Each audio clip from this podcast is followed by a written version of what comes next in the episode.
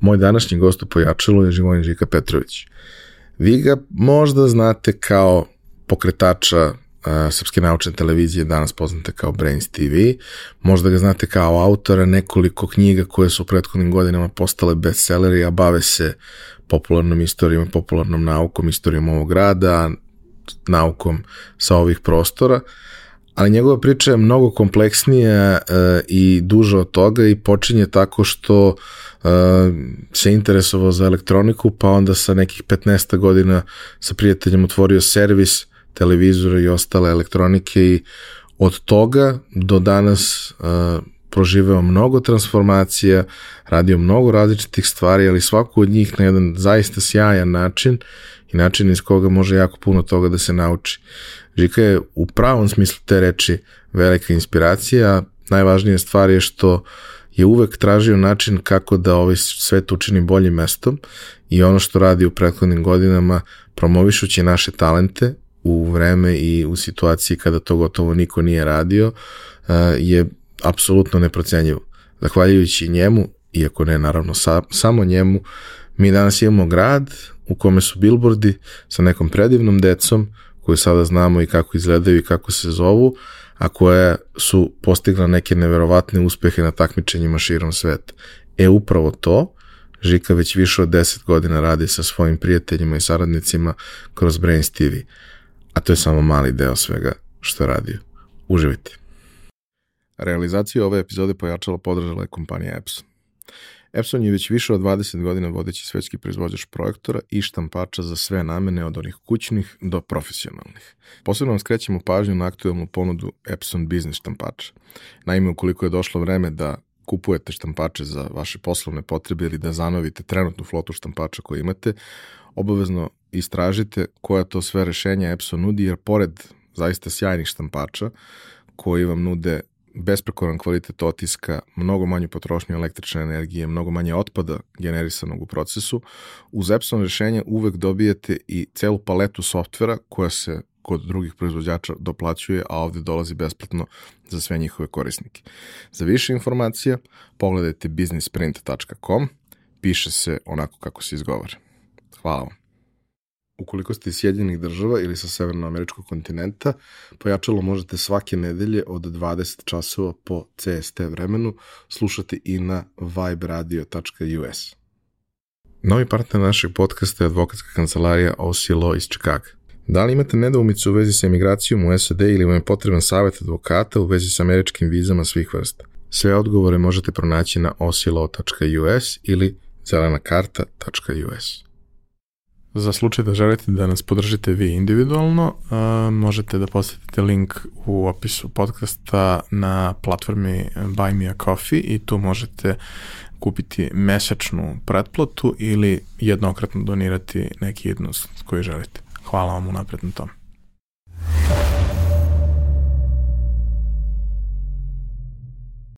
Žiko, ja dugo želim da napravim ovaj razgovor i e, posebno e, zato što smo komšije Ove, jedan deo aktivnosti koje ti radiš, možda jedan od najvidljivijih, najvažnijih je ovde kod nas u Komšiluku, ali nikako da se i upoznamo i ispričamo i sve i onda smo posredstvom ovaj, zajedničkih prijatelja konačno uh, došli u tu priliku i uh, mnogo mi je drago zbog toga, dobrodošao. Hvala puno. Evo, kao komšija sad, da vidimo šta ima u komšiluku, šta se radi, da malo prepričamo. Radi se svašta nešto zanimljivo i pričat ćemo o tome. Ove, ovaj, pojačalo ima taj koncept od, od prvog dana negde da a, pričamo životnu priču ljudi, odnosno da je tema epizode život osobe koja je sa druge strane, jer je uvek interesantan, pa u tvom slučaju baš dosta interesantan i način na koji si radio i šta si sve to radio, ali uvek počinje istim pitanjem, jer mislim da je to stvar koja nas obeleži za ceo život, to je naše mančmelo pitanje šta si teo da budeš kad porasteš. Verovatno, Ja se sad ne sećam iskreno govoreći jer sam više puta menjao svoja i zanimanja i oblasti interesovanja i rada i biznisa. Tako da znam da sam želeo da budem radio amater, to i jesam, da se bavim elektronikom i da čeprkam nešto i da popravljam i to radim. Znam da sam žele uvijek da nešto istražujem, mislio sam da ću biti neki sa onim, onom lupom ko što ide i istražuje po prirodi, tu sam malo omanuo, ali generalno kad bih sad mogao da se vratim i da ponovo ovaj, biram, ja bih opet ovaj put e, mog odrastanja i života i dosadašnjeg rada odabrao i mislim da sam našao sebe i da sam u potpunosti i zadovoljan i srećan, a to je najvažnije i kad radite i kad učite i kad stvarate. I ja mislim da je to zadovoljstvo da iz toga proističu onda sve one druge stvari koje jedan život čine dobrim i, jednu jedinku čine dobrim članom društva. A, kada si bio mali, uh, imao si određene interesovanje i sve to, ali šta te je nekako najviše vuklo? Kako si krenuo u, u, u nekom, nekim putem ka uh, postajanjem čovekom odraslim i sve ostalo? Šta su bile neke stvari koje su te najviše interesovali i vukle? Pa osnovna škola je tada bila prekratnica kao i većine i dese i uopšte danas. I osnovna škola je važan segment u tom obrazovanju. Mi smo imali sreću da u osnovnoj školi imamo više sekcija, više e, besplatnih sekcija, da napomenem, to je bilo u sklopu škole, pa smo imali boravak za produženi ovaj, odmor, odnosno gde su roditelji morali da ostave decu popodne, tu smo također imali sekcije. Ta sekcija koja meni u petom, šestom razredu osnovne škole kada dete stiče i stvarate neke sličice u glavi. To je bila sekcija elektronike, tehnike, oto, sekcija gdje smo prvi put osjetili miris kalaja, gdje smo osjetili žičice da pecka struja, gdje smo, gdje smo tako se igrali s nekim cijeličicama i nekim našim proizvodom rukama stvorili nešto što je radilo ili pokretalo se ili se vrtelo ili ne znam šta. Taj trenutak kada ste vi uložili svoj trud, svoj rad i da to nešto posle pokaže kao proizvod, to je možda bio taj moment pored genet, genetske e, korespo, ovaj, e, moje konstrukcije koju nosim zbog e, pokojnog oca koji je također bio vrlo pragmatičan, inženjerski nastrojen. Mislim da je to trenutak bio kada sam ja ukapirao i, i usmerio sebe u taj neki preduzetnički, stvaralački, pragmatični put biznisa. Ja sam imao tu sreću da je i moj otac bio taj što, ok, na kraju nije završio inženjerski fakultet iako ga je studirao, završio je, masterirao je, ovaj, magistrirao je ekonomiju, ali je uvek nešto popravio, uvek je nešto pravio i meni je najlepši deo odrastanja zapravo bilo to igranje sa njim i nikad neću da zaboravim jednu stvar. Prvo, da smo mi imali ukoričen uh, sam svoj majstor, i da ja i dan danas e, volim nekada da prelistam te stvari jer su neka od tih rešenja bila da, da. fantastična. A druga stvar, najveća magija za mene od pet godina je bila šta se desi kada LED diodu spojiš na nešto. Ali to bilo ono vreme kada su LED diode bile u bojama. Pa imaš, da bi imao ono žuto, da, da. crveno i zeleno, one su imale plastiku žuto, crveno i zeleno. I prvi put kada je tata doneo diodu koja menja boje, ja sam kao, pa dobro, ali sve ovo što smo do sad pravili, sad moramo da pravimo drugačije, jer više nema tri stvari za koje bučimo da, da. rupu, nego jednu koja je drugačija. I sad to se potpuno deluje nadrealno 20-30 da, godina kasnije, ali to je ono što je mene opredelilo ka tehnici i uvek je bilo tako nešto. Uh, svi moji slušalci znaju da sam ja počeo jako rano da radim i sve, ali ti si u tom smislu bio dosta ekstremniji od mene. Uh, kako je to zapravo bilo? E, moram samo da napomenem da u moje vreme nije bilo LED dioda kada sam ja u, u, ušao u elektroniku i tu sekciju, mi smo imali sjeličice male, kasnije su tek LED diode došli bar u moje okruženje. I da napomenem da mi tada nismo imali toliki broj informacija i nismo imali tako brzu informaciju da se e, saznamo, znači bilo je časopisa tih e, par časopisa, ali smo imali mnogo veću želju nego danas, što oni imaju mnogo više informacija, brže stižu do njih, a manju želju. Mi smo, to je sada suprotno kroz, mi smo imali ogromnu želju, a malo informacija. Da li je to sada, ima neke veze ili nema? Što smo mi smatrali da će Google da bude naš rob, a mi smo u stvari postali njegov rob ili to nema veze s tim, to je sad druga tema. Ali taj mozaik događaja je meni stvarao tu sliku da sam istraživao, stalno nešto išao, šunjao se kod tih e, starijih ljudi koji su bili tehničari, elektroničari, mašinski nastrojeni, u radionice, kod radio amatera starijih, sjećam se, bežao sam sa časa posljednjeg da bih stigao kod njega, da tih 45 minuta potrošim da vidim kako on to nešto radi. To je bila moja obsesija i nekako sam bio stvarno presrećan kada sam to znanje mogao da upijem od njih. Oni nisu bili sebični. Svi su stvarno, ove, ne mogu da, da kažem, svi su e, bili otvoreni za prenošenje znanja, vrlo su bili domaćinski nastrojeni prema meni i mojim drugarima, par drugara s kojima smo to sve ovaj radili. To je znači pod broj jedan škola koja je uticala na taj moj, na to moje usmerenje. A pod broj dva, porodica. I to su ta dva segmenta u društvu, ta dva stuba koja su osnova za razvitak nekog deteta. Porodica i škola. U porodici sam također imao mašinski nastrojene kao oca ili ujaka koji je bio elektronski nastrojen u elektronici i sa te strane kad sam dobio informacije i ovo iz škole, eto to je bio proizvod da sam ja već u osmom razredu osnovne škole umeo da popravljam i radioaparate i tehniku i televizore i tadašnje one proste uređaje koje smo imali. Za mene to bilo sasvim normalno i smeo sam da se upustim u to i pošto u tom trenutku nije bilo baš mnogo ljudi koji su i smeli da se upuste i hteli time da se bave, to je bio hobi za prijatelje, komšiluk i sve ostalo, ali prerasto u nešto dosta ozbiljnije. Kako to izgleda? Prerasto je u dobar lep biznis, tada interesantan za nas su bili čuveni Dragan Marković na Banom Brdu, imao je TV servis Dragan Marković, on je bio legenda ovaj, interesantan je po tome što ima broj telefona 555 555 655 Kod njega smo provodili vreme da gledamo kako on to popravlja i ne samo on, nego njegovi e, zaposleni Ljubo Magočević na bulevaru, posle kasnije se zvao BG Electronic, onda kod Kokara. Gde god smo mogli, šunjali smo se, rade ja, moj stariji drugar tada, da malo vidimo, da čujemo, da osjetimo nešto novo iz tehnike. Ja sam bio specijalista za neke, pošto sam bio mlađi od, od radeta, za neke onako prostije stvari, priznajem, ali, ali a prostije, ali dosadnije. Na primjer, imali ste radio aparate gdje ste ono, imali e, skalu da pomerate kotor, pa onda pomera se frekvencija radija. To je preko bilo e, nekih žičica i nekih e, končića koji su vukli to.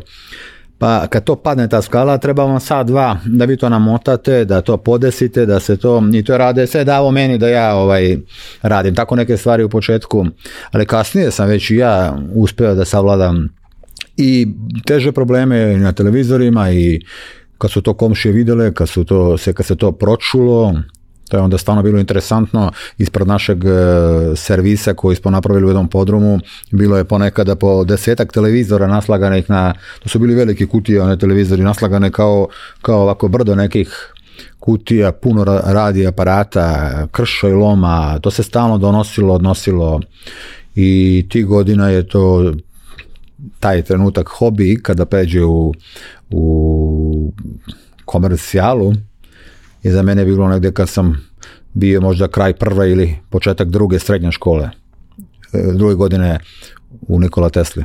To je bio trenutak biznisa. Ali taj moment gdje to mora da sačeka da se vi vratite iz škole i škola ne sme da propati u tom periodu jer ona jeste važna. Na primjer, moj otac je ustao u pet ujutro, oni su radili, fabrika je radila tada, ja mislim od šest, slagaću ili od pola sedam, sedam nešto mnogo rano, i on krene na posao i mene radeta zatekne u servisu dolu u tom podrumu, još radite tu, znači mi sviće zora, mi, ja treba u, ško, u osam da idem u školu da krenem, i on se samo ovako začudi i ode, ništa nije govorio. Naravno, ja onda se spakujem, odem u školu, pospam sav, ne znam gde sam. E, sa profesori su znali da sam ja krenuo u neke vode i čak sam i mnogim profesorima popravljao televizore i neke probleme koje su imali. Nije to bitno da li je televizor, bilo šta, šta god imate ovaj problem od elektronike i tehnike u kući, dajte. Naravno, ako imamo, ako imamo delove za bojlere i za te stvari, mi smo bili, nije nam bilo interesantno, bilo je majstora, znate, nije bilo neka, ovaj, ali za ove malo, da kažem, savremenije, e, tu smo radi ja bili perfektni. Tako da sam kroz tu školu prošao onako, iskreno govoreći, lagano. Lagano, nije to ni bilo neka, učili smo ono što volimo, sem neke predmete koje stvarno nisu bili za mene tada, marksizam ili ne znam neke stvari, neke, neke ovaj, oblasti koje su za elektroničara nekog bile nekako neprihvatljive, ali se išlo, išlo se, snalazilo se. Znam da sam imao vozača u drugoj godini koji me vozio i čekao me ispred škole kad završim ne vrati što pre kući da ne gubim vreme autobusom. Znam da sam svakog vikenda išao u Minhen po delove, imao sam dečji pasoš, on je bio sive boje, to danas ne postoji. Dečji pasoš, pisalo je ovako dečji pasoš, sive boje i ovaj, slika na njemu je bila interesantna i čuvam je negde, kao da, da su me negde iz nekog burata izvukli sav razapet i uvek su me na granici ovaj, posebno gledali. Imali smo vozača koji nas je vozio u Minhen svakog vikenda da kupujemo delove u Šiloj Štrasi ulici. To je bilo sve 16-17 godina. Ali ta, e, ta ulica je vrlo kultna i gomila ljudi se tu snabdevala sa, sa tehnikom i naravno rezervnim delovima za tu tehniku jer prosto u tom trenutku dela tih stvari uopšte nije bilo u, u Jugoslaviji, a dela tih stvari je možda i moglo da bude, ali je moralo jako puno da se čeka i mnogo peripetija je bilo, a prosto e, tada se tehnika kupovala da se koristi dugo. Ne, ja sam do skoro u, ono, ne znam, kod bakije u selu i tako dalje imao te stare televizore kojima 40 godina kasnije ništa ne fali, slika i dalje sjajna, svi dugmići su tu, ništa se nije izlizalo, sve je dobro. Naravno, sad jesu ove nove tehnologije, to sve ove, lagano pregazile poslali u istoriju, ali stvari su pravljene da traju i pravljene su da se popravljaju pravljene su da ostave mogućnost da ti to popraviš. Danas kada je sve to zalemljeno na nekoj ploči, ti baš i ne možeš Bog zna šta da uradiš osim da očafiš i zašafiš drugu. A, kako je uopšte, e, kako ste uopšte učili, kako ste uopšte dolazili do znanja, osim toga što ste naravno obilazili kolegi u tom nekom prvom periodu kad je trebalo uopšte savladati osnovne stvari, ali kad neko donese nešto što je novo, još niste videli nikad, kako? Šta? Nema gde da se izgugla, nema gde da se vidi. Nema, nije bilo. E, trudili smo se svaki odlazak u Minhen, sećam se koliko smo vremena trošili da kupimo rezervne delove i neke uređaje koji su nam bili potrebni ili instrumente. Toliko smo vremena trošili da kupimo, mi smo tad zvali service manual, Servi, e, to, to su knjige, knjižice u kojima vi za svaki uređaj, video rekorder ili neke kamere kasnije novije ili bilo šta, imate upustvo kako je napravljen, gde koji delić je spojen, žice kuda idu i tako dalje i to su nam bili u stvari, to nam je bio Google, taj, taj servis manual, taj koji smo mi donosili, čitali, pratili, jer bez toga stvarno je bilo teško. Svakako da smo mi umeli da popravimo i bez uh, nekog uputstva i nekog, ali je to, ali to trajalo morali smo sami da istražimo i onda smo Rade i ja igrali se stalno u kolima kad putujemo negde, onda on mene ispituje, to se sećam, interesantno je, na primjer, tada je bio popularan A-Niš televizor u boji, zvao se Spectre Color 75. Znači, 75. godine proizveo ga Niš uh, u boji, ja pričam o godini 85. 86. 87. 10 godina je prošlo od tog televizora, oni kreću da se kvare i dolaze u servis. Rade mene uči da popravljam, ja imam 15, 16, 17 godina, mene on uči ovako u autobusu, negde se vozimo po gradu i on meni, ovaj, dogledamo neke ovako devojke i tako se zezamo i šalimo, on meni kaže, e, drhti slika. Aha, ja kažem, aha, mrežni deo, u, u, u kusno bi ša, šav sigerom mrežni deo, ako još jače drhti, onda bi hladan lem, znači da je tu bio.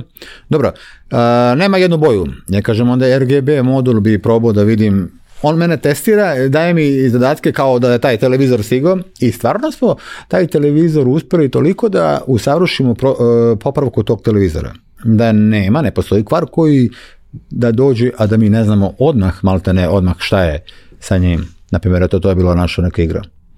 A šta se dešavalo? Ja se sećam uh, otprilike tog nekog perioda, bio sam jako mali, ali taj neki period kraja 80-ih, početka 90-ih, uh, meni je jako bilo zanimljivo uh, kao detetu obilažeći ovaj, ono, kuće prijatelja, stanove i tako dalje, činjenica da je bilo toliko različitih brendova tehnike, da su oni svi, većina njih danas ne postoji ni u kom obliku ili postoji u nekom obliku koji nema veze s onim što je nekad bio, ali da je toga bilo toliko mnogo i toliko različito i tehnologija gde su se više tehnologije u istoj oblasti borile za nešto, pa je na kraju VHS pobedio, iako je bilo, ne znam, drugih tehnologija videorekordera koje su bile interesantne. Tako je bilo u mnogim oblastima, što je u principu značilo da da, velika većina ljudi koristi nekoliko onih standardnih uređaja koje koji su, ne znam, ono, sloboda usisivač, ej niš, televizor, obodin, frižider i tako dalje i tako dalje, ali ima i gomila neke egzotike koja je nekim putem stigla, na neki način došla, da li uvozom ili dovozom, što kažu, to su sad druge stvari. Pa kao, kako se rešavaju nestandardni problemi na nepoznatim uređajima. Pa kažem, e, stvarno tih 80. godina, posebno krajem 80. E, Srbija, odnosno Jugoslavija, tada nekako se otvorila. Sad ja ne mogu ovako iz ekonomskog dela, nisam pratio ka šta je tada dešavanja bilo, ali znam da je jedan nalet bio nove tehnike sa raznih strana, bilo je tu i veći domaćih kompanija koje su bilo uvoznici, zastupnici Sony-a, kao što je mislim bio sad nije Genex, nego ovaj, jedna druga firma u Beogradu imala, oni su bili zvanični zastupnici Sony-a iz Japana, e, bilo je puno firme koje su počele da uvoze i da dovoze tehniku, E, ne znam, mislim, mi smo stvarno bili entuzijasti, mi smo nadareni sa velikom željom da to naučimo. I mi onda ne gledamo to kao iz ovog ugla kako li ste to vi rešavali. Mi to ulazili smo odmah, dajte, učimo, čitamo, gledamo. Princip je isti. Princip je isti, rada i videorekordera i televizora i nema tu mnogo neke mudrosti. Sad nijanse su u pitanju. Mi kad savladate taj jedan srce e, tog, vi hoćete lako poslije da se, da se ovaj, oplemenite sa nekim novim stvarima. Isto i u mehanici za automobile i u, i u drugim nekim uređajima. Princip je isti, samo su nijanse sad u pitanju. Dobro. A, priča sa servisom, ja sam je čuo i na raznim mestima i čitao i znam koliko je ona bila zanimljiva i dinamična i posebno u tom periodu odrastanja kad to faktički faktički ste vi još uvek dete. Malo krupnije dete, ali dete i dalje. Ali to je neko vreme kad treba i praviti neku odluku šta dalje sa životom, kako dalje sa životom, da li fakultet, da li nastaviti neku priču, da li probati jedno i drugo, da li ići iz zemlje, jer mnogi ljudi su tada aktivno razmišljali o tome. Šta je u tom trenutku bilo u vašoj glavi?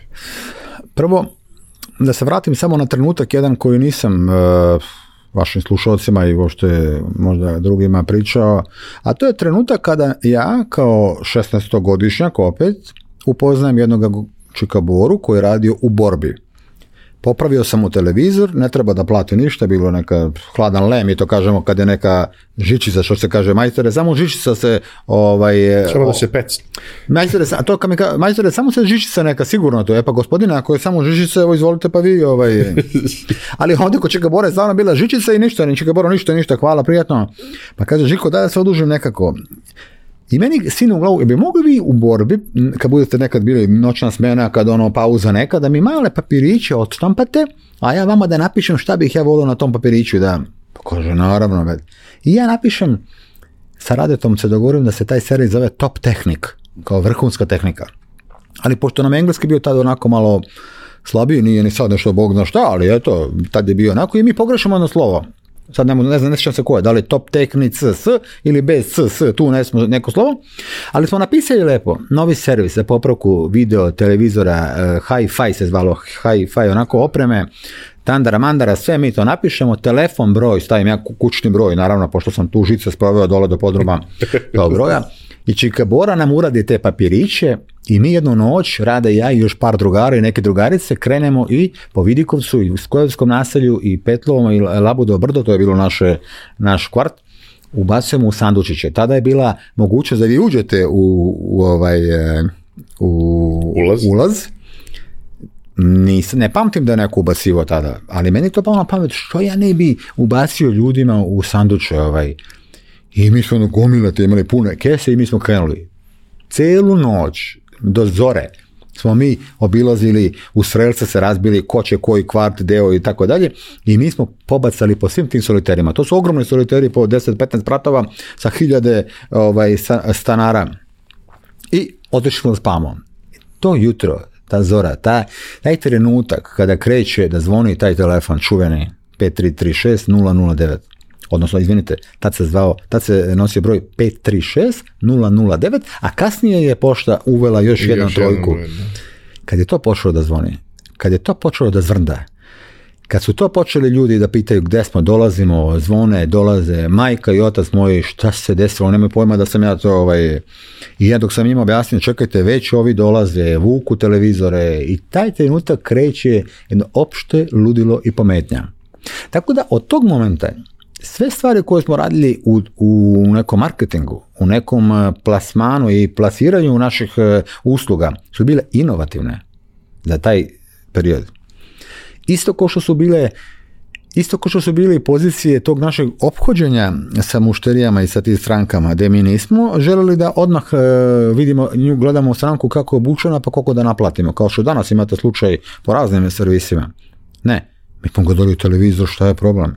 Iako stvarno to ništa beznačajan problem, ne pada nam na pamet da naplatimo. To nije, nije postoji teoretska šansa. I to je ono čuveno kad sam ja došao jedan put iz škole, a majici ostavio da mi je moja lekarka majka da, da izdaje televizore prepodne, ja sam u školi. I ja dođem kući i ona kaže, Žiko, na ovo, na što ja sam lekar, ali ne razumijem se u biznis, ali ovo što ti radiš, to nekako nije dobro. Što je vama bilo? Pa kaže, jutro sam 4-5 tih televizora, došli su ljudi da nose. Ti si napisao e, da su gotovi i oni su zvali da nose. I svima piše ne treba da plate. Šta ste ti rade radili? Kaže, ako vi ne, ne ništa ne naplatite. Dobro, mama rekao, nema problema, ne treba šta ništa nismo ni ugradili, kakve veze ima sad. Ali ti ljudi, oni su, ne samo da su donali nove uređaje svoje koji su već su pričali komšijama, komšije pričali rodbine i rodbina i to se tako je e, progresivno ove, raširilo priča da smo mi bili zatrpani. I vrlo brzo imali dva zaposlena, i sekretaricu, i vozača, i ja komandant sa 17 godina i na pamet mi nije palo, dopisujem fakultet, na pamet mi nije palo da ja sad gubim vreme na nekoj, e, posebno ako mi, ako mi to nije drago, već mi samo bilo na pameti da ja moj biznis širim, da ga e, plasiram u druge neke vode, da se prestrojavam, jer je to trenutak bio 90. godina kada već postaje servisi, već ovi uvoznici su dužni da imaju servise, e, svako je dužan da ima svog i onda mi već osjećamo da će tu da bude malo gužva i to je 90. godine na vaše pitanje odgovor da ja onda transformišem prvi put svoj biznis u preduzeću koje je tada dozvoljeno da se osnuje, prvi put u Jugoslaviji kao privatnik, među prvima osnivam preduzeće i nazivam ga Procesor Commerce i krećem da prodajem tu tehničku robu. Ja sam za tih 4-5 godina koliko sam radio u servisu kao klinac ukapirao ne samo da mi ide od ruke da popravljam, već mi ide od ruke, od ruke i da pregovaram sa ljudima koji hoće da prodaju ili da kupe ili da nabave novo i tako dalje. I tako je to krenulo u jedan novi svet 90. godina u biznis prodaje tehničke robe. A šta se dešavalo sa servisom? Rade je ostao da vodi servis, ja sam također njemu pomagao, ali sam bio preokupiran više sa pokretanjem firme. Ta firma je isto inovativnog karaktera tada bila, vrlo inovativnog. Rade ostao i dalje u servisu i on je, moj, on je pratio mene, tako da sam ja sve što sam prodavao tu, od tehnike u mojoj prodavnici, rade to u garantnom roku servis, davali smo podršku, da. A inovativna firma bila zbog toga što sam odlučio da ne budem uvoznik, već da od uvoznika uzimam robu i na jedno mesto gomilam više vrsta. Jer vi kao uvoznik ne možete da se uh, raširite i da uvozite hiljade nekih raznih uređaja. Možete dvije, tri neke pogodite sa nekim kompanijama. Ali meni je bio cilj da ja uradim imam hiljade proizvoda. I tako sam donao odluku, čak nisam imao ni registrovano, tad sam morao da imate registrovanu tačno šifru, nisam imao za uvoz registrovanu šifru, nisam nikad ništa uvezao. Sve sam uzimao od uvoznika i gurao na mesto i ta prodavnica je bila fenomenalna. Da, i glavna stvar je u suštini da, ok, vi kao uvozniki možete da idete na to da uvozite mnogo brendova, ali ni jedan od ozbiljnih brendova neće dozvoliti da vi uvozite brend koji se bavi istom stvari. Tu vrstu konkurencije redko Ja to nisam se opredelio za uvoz, nisam mogao, nisam želeo, nisam smeo, nisam hteo, nisam imao uslove, ni mogućnosti ne treba ono što ne osjećate da možete da radite, nego ono što možete to radim. I ovo sam radio muški, stvarno besprekorno. Prodaja tehničke robe. Ja se sećam to ono, početak, sam početak 90-ih, kraj 80-ih, e, nešto što danas ne postoji ni u kom obliku, a to je robna kuća Beograd gde ti odeš i e, dođeš kao dete sa roditeljima i u principu svi znaju da si bezbedan, pa ti si na trećem da, da. spratu, da. oni su na drugom, vi se nađete dole, nema mobilnih, ali nađete se dole.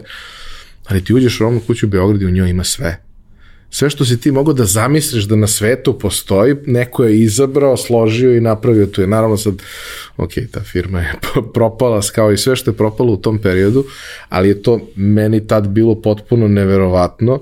Naravno i to šta smo mi znali da postoji je bilo mnogo uže nego što danas znamo, ali je ta neka zaokruženost i činjenica da kad hoćeš nešto obično ideš tamo, kad hoćeš nešto neobično, isto ideš tamo.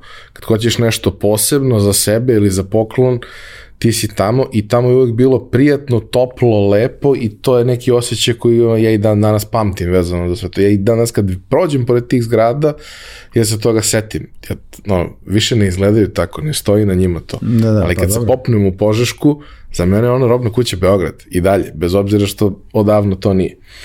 A, I sad taj moment, uh, danas bi neko rekao uh, imaš multi-brand store.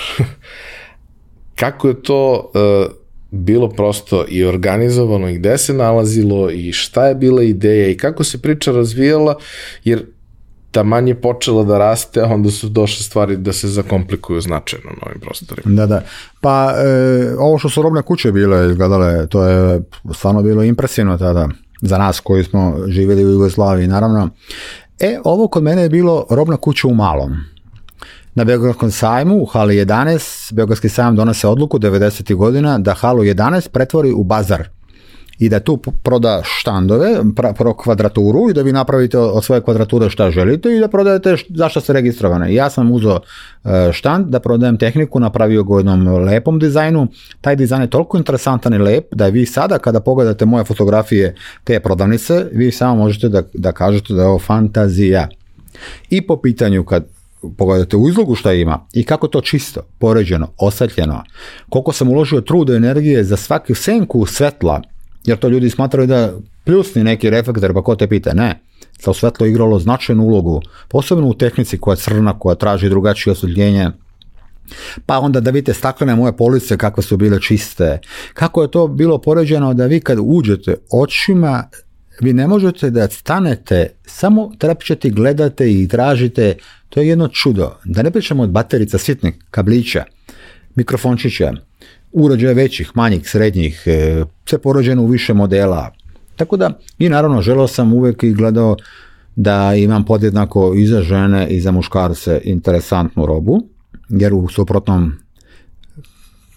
tra, ku, ku, ku, kupac se kraće zadržava. Tu sam isto imao jedan, jedan ovaj, da kažem, jednu caku, jer ako uđe muškarac samo da gleda televizor, žena nervozna, ona hoće dalje, ali ako ja ponudim nešto za ženu, onda smo podjednako tu, ona levo, ona on desno i onda se nađu na sredini negde kod kase. Takođe, e, taj, ta preduzeća moje bilo interesantno zato što ne samo znači inovativno po izgledu, po svetlu, po detalju, po logu, po bojama koje smo koristili, već je bilo inovativno i po jednom sloganu koji smo napravili, čuveni slogan, meni je sajam Beogradski imao 655, e, tako je bio sajam. Mislim, su, kad dobijete neke štand, vi dobijete broj. I onda sam ja molio onoga na telefonskoj centrali, ako mogu ja da dobijem broj 200, 655 200, molim vas, ko, čiko, ja bi to voleo, on kaže, čovječe, kakve veze ima koji broj, to nije bilo sad, i on meni ona žice, rk, krk, i, a evo ti 200, nije bitno, kažem. I ja kažem u sebi, bitno je, bitno je. I ja slogan napravim, pozovite s mesta 655 200, ali s mesta i 200 napišem slovima. Znači pozovite s mesta 655 broj, pa 200, s mesta 200 i to onako u obličju mi jedan dizajner koji mi pomogao da to lepo uklopim grafički. I tada, sad smo već prešli malo, ali i tada je došla prva Nokia u, u, u, u Jugoslaviju, prvi telefon mobilni koji nije bilo mobilni, e, zvono, nego je jedan, jedan ton, piskav jak ton, samo to. Ne možete ili gasi ga ili upali ga, nema više.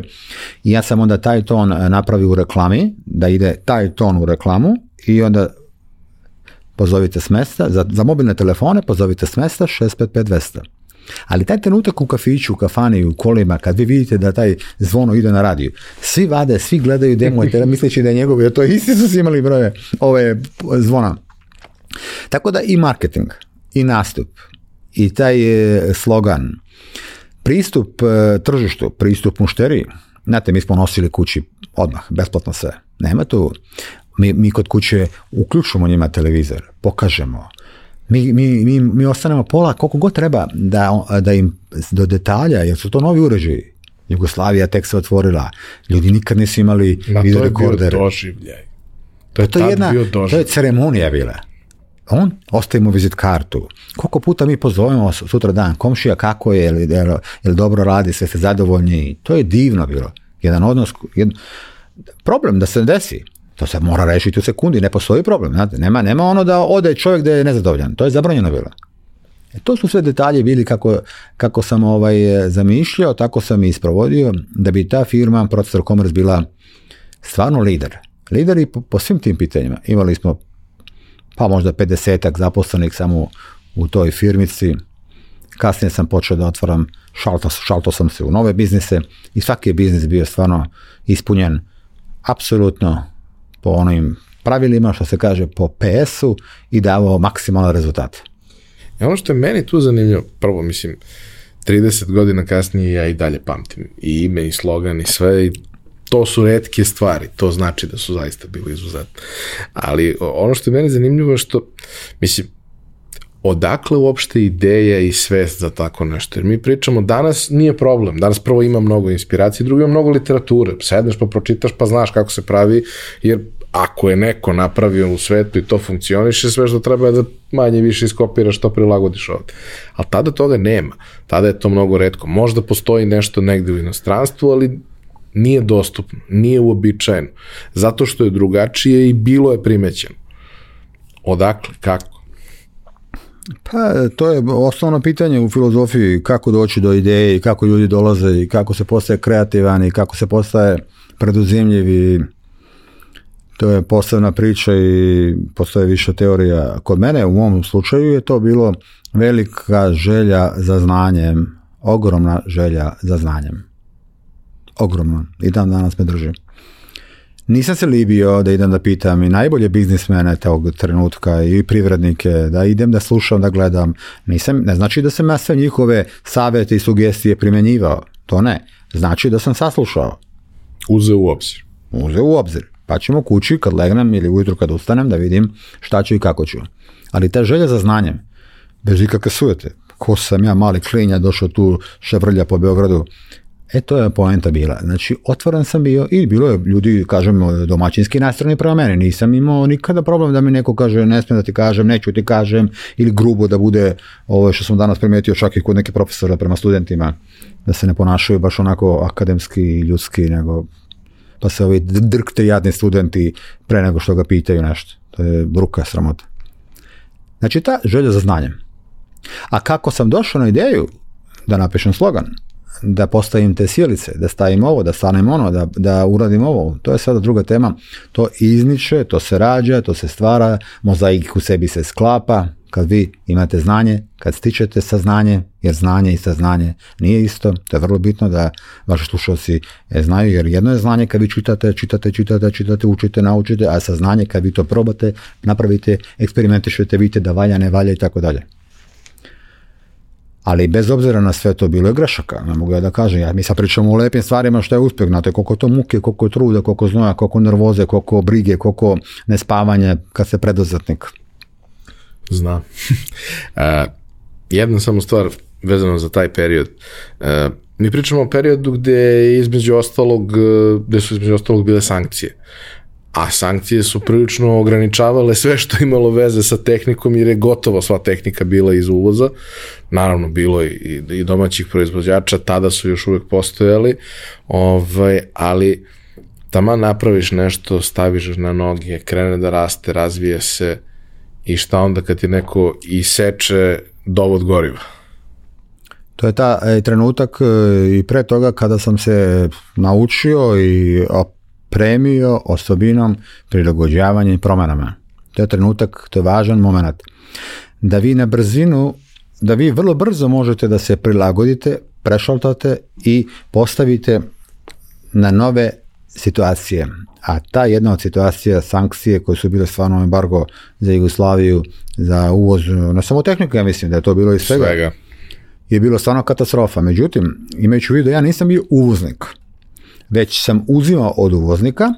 Mnogi ti uvoznici su imali svoje pod firme, čerke firme da ih nazovem, koje su na neki način probijale na neke, e, tragale na nekim rupama. Uvek smo bili kreativni. Uvek smo, nema to, to, to nema, da li prema Makedonije, dole ispod Makedonije, vamo tamo, uvek je bilo neki prolaza negde.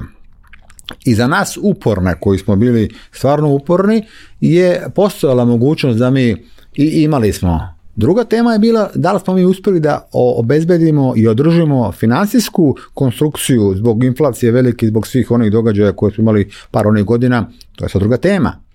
Snalazili smo se kako smo znali i umeli.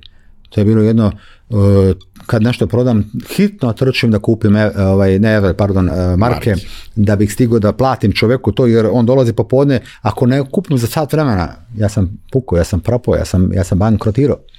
Odmah je otišlo ovaj, to je druga tema sad. Imao sam tri kurira koja su samo trčala da mi, da mi kupuju na ulici. Ta je francuska ulica bila čuvena u Beogradu, gdje je bilo to malo ne legalno u stvari. Mislim, nije legalno, nego bilo je tu. Tu je, sad. bilo je tu da, ovaj, iznad pumpe. Svi su znali da je iznad pumpe. Pored svih tih problema i to smo imali. Onda, naravno, e, kažem još jednom, mene, mene držalo to što sam stvarno sa stotinama uvoznika imao kontakt. Ne postoji danas od ovih privrednika koje, a da ja nisam od njega kupovao robu, ne postoji stvarno. I svi kog se sretnemo, sad od nekoga sam kupovao ovo, nekog ono, baterije, kablove, pojačala, tad su počeli zvučnosti, dolaze posebno, bilo moderno i oni veliki. Tako da ovaj, izdržali smo, izgurali smo. Kreativnost, prilagođavanje promjenama, inovativnost na kraju je ključ uspeha. A u kom trenutku e, ste se zasitili te priče? Tog biznisa? E sad, nisam se ja zasitio, nego to je moment kada vi kao preduzetnik, to je najveći problem u preduzetništvu, da vi kao preduzetnik svoju bebu, pod znacima navoda, tu firmicu koju pokrećete, vi gledate kao beba i vi ste emotivno vezani za tu bebu.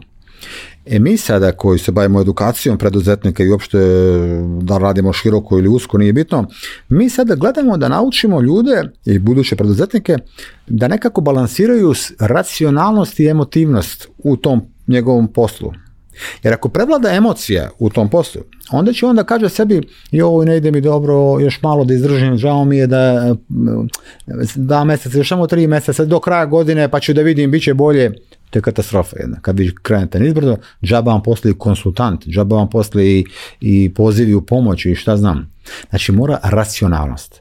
Tako da se ja nisam zasitio toga, nego sam bio racionalan i osjetio promjene na tržištu i morao da prešaltam se u novu oblast, jer šta bi bilo, evo pre neki dan mi neko ja reče, pa ti da si bio tako dobar prodavac, ti bi što ti danas nemaš prodavnicu te, mobilnih telefona. Čekajte, šta bi ja danas prodavao mobilne telefone?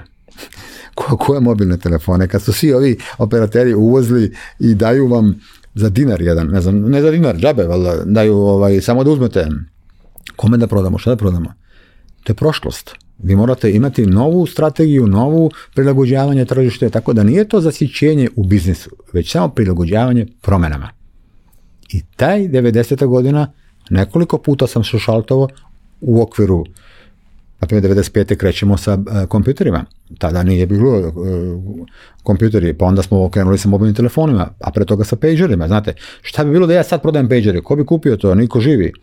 Pa onda 99 sam shvatio da ljudi koji kupuju mobilne telefone i koji, koji hoće da ih imaju, one pojma nemaju da to koriste, on već dolazi sa nekim džiđabidžama, ne kao danas ove pametni, ali već imamo neke, mi pokrećemo časopis, ja pokrećem časopis za mobilne telefone, nazovem ga mobilni magazin, I mogu, taj prvi broj je štampan dva puta. To mi kažu da se još nije desilo, da smo prodali i brzo trafike zvale ponovo i mi smo ponovo štampali, Vizarte se radio to gorno i ponovo išli po Srbiji, e, po trafikama delili, toliko je to lepo prodavalo se taj mobilni magazin. Eto, tu smo se prešortovali u to. 2000 u marketing agenciju, dođu, dolaze ljudi, kreće tržište da se otvara, kreće sve, traže marketing, traže advertising, traže ideje, traže neke slogane, logoje, traže. Odmah idemo radimo to, što traže? Više nema e, ova emocija, ja bih volao da ostanem u ovome. Ko te pita? Tržište vuče. Svi bismo mi voleli da ostanemo u nečemu, ali ako to ako se ne prilagodimo, nećemo opstati u tome što radimo.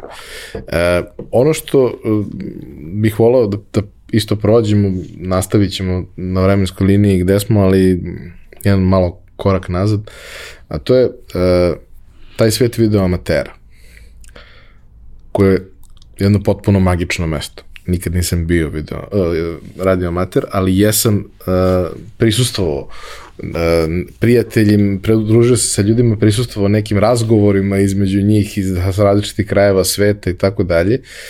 I znam mnogo situacija u kojima su te uh, mreže radio amatera rešavali probleme koje je bilo nemoguće rešiti, a posebno je bilo nemoguće rešiti u realnom vremenu u trenutku kad ne postoji komunikacija nikakva. Ne postoji šansa da nekome pošalješ poruku na Whatsapp i da ti javi šta se dešava.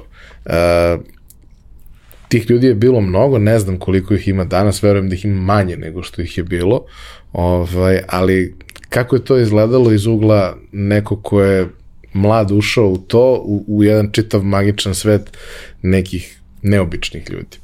E, sa radiomaterizmom sam se susreo prvi put u sedmom razredu osnovne škole kod profesora opšte tehničkog obrazovanja, Vlada. On je bio radiomater i on je donao jedan dan u školu svoju radiostanicu i taj šum kad sam ja čuo, tu žicu kad je on razvuku i antenu koju je na prozor stavio i kad sam ja čuo da iz tog aparata on priča sa nekim strancem na engleskom jeziku, ja sam bio opijen. To je trenutak bio kad sam ja zakoračio u svet radio amatera. Radio amateri, oni samo nose taj sufiks, mi nosimo taj amateri, ali mi smo, mi smo veliki profesionalci, to nam je da mislite. Radio amateri, oni uz sobstvenim zna, sobstvenim znanjem, mi smo nekad pravili te uređaje, radio stanice, pravili smo antene, pa smo izbacivali te antene na krov, puštali signal, da li putem mikrofona, govor, ovo kao što sad pričamo, ili putem morzove azbuke, puštali smo taj signal u etar, što ste bolji radio amater, što bolje usmerite antenu, taj signal ode dalje. Gađajte što dalje. Tamo neko to čuje, neki radio amater. Prihvati taj signal. Odgovori vam. To je moment kad vi upoznajete prijatelja. I taj radiomaterizam to je prva društvena mreža na svetu. Vi ste upoznali njega, razmenili ste ime, prezime, gde živi, kako ga čujete, kako on vas čuje, čime se bavi, čime se vi bavite. Napravili ste razmenu adresa, čak smo razmenili, mi to zovemo QSL karte, to su kao razglednice, gde ako sam ja s vama razgovarao, vi ste u Minhenu, ja sam u Beogradu ili vi ste negde u Španiji, nebitno, ja vama pošaljem moju QSL kartu poštom, a vi meni vašu i ja čuvam na, uh, vašu kao dokaz da sam sa vama pričao. Ne postoji grad na svetu gde mi radimo amateri nemamo prijatelje, poznanike, saradnike, kolege. Samo ako zažmurite, pritisnite prstom na globus, tu smo.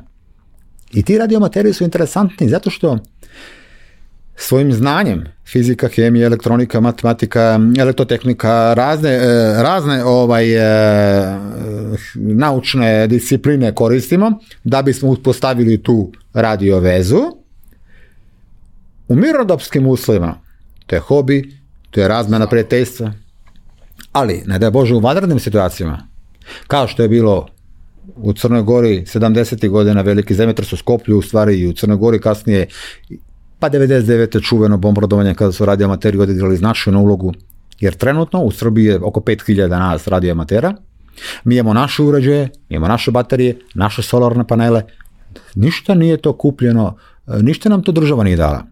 I mi smo sposobni, nas 5000, da u roku sat vremena izađemo negde na neko brdo, na neku uzvišicu, na neku zgradu, na neku kuću i da budemo smatračnice i da budemo prenos informacije. Da sa tačke A na tačku B prenesemo tačnu informaciju. A šta će službe za spašavanje i druge službe koje ćemo im pomoći u tom trenutku kada sve stane, samo mi imamo vezu. Šta će oni raditi s tom informacijom? To je druga tema. Ali mi smo sposobni za to. I kao posljednji primjer, a da vam ne navodim hiljade primjera, je pre neki dan ovaj užasan događaj u Turskoj i u, Siriji gdje, gdje imamo na desetine hiljade žrtava. Apel stiže za pomoć da krenu uh, timovi za traganje i za ispomoć koji su spašavanje timovi, ali molba je Turske da svaki tim ima bar jednog radiomatera sa sobom. Ne da bi taj radiomater kopao i ne, mi nismo sposobni za to, mi nismo obučeni za to, možemo i to, ali nismo obučeni, nego taj radiomater treba da ostvari radio vezu između drugog štaba, trećeg grupe, četvrtog rada, jer informacija u tim trenucima je najvažnija. Zato su radiomateri interesanti i to je najplemenitiji hobi. I dan danas je interesantan, sad, sad, smo, sad koristimo pored tih analognih, koristimo i digitalne modele, gdje je vrlo interesantno, imamo razgovore sa cijelim svijetom, konekciju smo umrežili celo, ovaj, celu planetu, a kad hoćete možemo čak da razgovaramo i preko mjeseca tako što naš signal usmjerimo u mjesec, odbije se od mjesec i udari u Australiju, a u Australiji neki radiomater to dočeka, pošalje signal na mjesec, mjesec je kao neko gledalo, vrati ga u Srbiju, mi ga čujemo, nama ne treba ništa, mi smo sami sposobni da to uradimo. I zato mi apelujemo i na Srbiju koja je jedina zemlja u regionu koja je ostala jedina zemlja od svih zemalja u Europi, ja mislim čak, možda od ovih nerazvijenih ne, ali od svih razvijenih, koja nije svoje radiomatere zagrlila i uvela ih i prigrlila u neki štab za vanredne situacije da bismo mi bili još bolji, još nažniji, još kvalitetniji i organizovaniji. To su radiomateri. E, ja znam neke priče iz mog nekog kruga prijatelja, poznanika, o tome kako su radioamateri dojavljivali neke informacije koje nikako nisu mogle da stignu u različitim okolnostima koje su bile problematične i teške. Znam kako su se na nivou nekoliko zemalja organizovali da zajedno obezbede neke stvari. Bih volao da i vi podelite neku anegdotu u kojoj ste lično učestvovali. E, lično sam učestvovao u prvim akcijama, sam 99. učestvovao, kada je bilo, tada, tada sam ovaj već bio odrasto i bio sposoban i u mojoj, u mojoj firmi je čak bio jedan štab gdje smo ovaj, e, preuzeli neke funkcije informacija, prenosa informacija, ali sam e, svedok događaja gdje više puta, 80. krajem su lekovi nabavljani Imamo slučaj u Nišu, to, to sam čitao posle, kolega mi je zapisao, pa sam, ovaj, ali upoznao sam te ljude. Jedan e, čovjek je imao troje dece i on je operisan u Nišu, tada je hirurg rekao da je ova operacija vrlo teška, on je, on je, možda bi jedan lek koji je pre mjesec dva proizveden eksperimentalno u, u Nemačkoj mogao da se primeni da probamo da spašamo čovjeku život, jer one gubimo ga. Ali mi to nemamo u Jugoslaviji tada. Ovaj je čuo brat od tog i poznavao jednog radiomatera u Beogradu. On je njega pozvao i rekao, tako je takva situacija, treba nam taj lek. Ovaj, odmah steo na radio stanicu i krenuo da zove. Javio se u Zagrebu radiomater koji je preuzeo taj signal i tu informaciju. Zagrebčan je prenuo u Beš. Iz Beča jedan austrijski radiomater prenosi u Nemačku. U Nemačkoj u 15 radiomatera tragaju za lekom. Jedan ga nalazi, ne znam sad u gradu Kelnu ili u gore u Klagenfurtu, ne se nalaze taj lek. To se sve dešava u sate, sate brojimo. On kreće da transportuje lek, mora da se do Niša dođe, on ne zna gde. Jedini, jedini avion je bio iz Berlina, do Berlina on sede u kola, kreće u Berlin da stigne na taj avion. A radiomater, Nemac, za nekoga, no veze, niti pozna čoveka, niti on kreće, stižemo, pilot uzima, ali ne ide za Beograd, preseda u Budimpešti. U Budimpešti molimo radiomatere da oni izađu na aerodrom da preuzmu let i da sačekaju dva sata za let prema Beogradu neki ili tako nešto što je bilo. I uglavnom 24 sata ili ne znam malo više je lek stigao u Niš vozom iz Beograda. To je bila najbrža ta trenutak e, da se donese do Niš. Uveče u 22 i nešto je taj voz stigao aplauz je bio kad su dočekali, policija je dočekala taj lek, alarmirali su svi, pravo iz tog, e, iz te željezničke stanice u bolnicu, pozvali, probudili hirurga koji je operisao, stigla je ta vakcina, lek, to je u, ovaj, kao tečnosti ampuli. Dali su tom pacijentu i on je već posle nekoliko dana pokazao znake poboljšanja. I produžili smo mu život.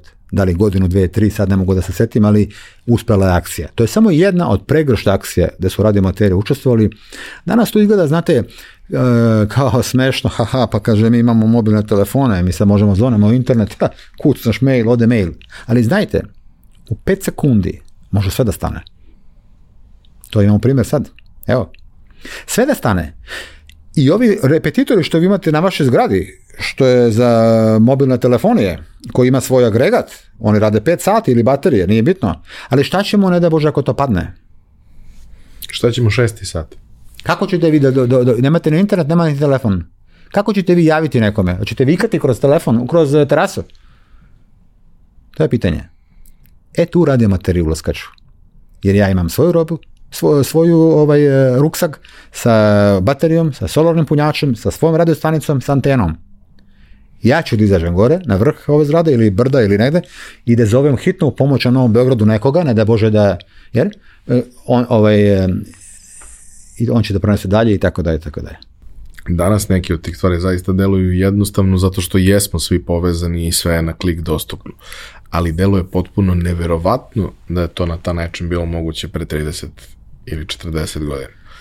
I ja zaista duboko verujem da su takve stvari jedan od glavnih razloga zbog čega mi imamo ovo danas. Jer da ti ljudi tada nisu radili takve stvari, nikom ne bi palo na pamet da proba da razvija nešto što će danas postati ovo. Kao dokaz imate samo, ne treba da razmišljamo puno da nam mi sad nešto ovaj, filozofiramo i da pogledate Japan, Ameriku, Nemačku, najrazvijene zemlje sveta, Južnu Koreju. Uspon radio amaterizma u tim zemljama.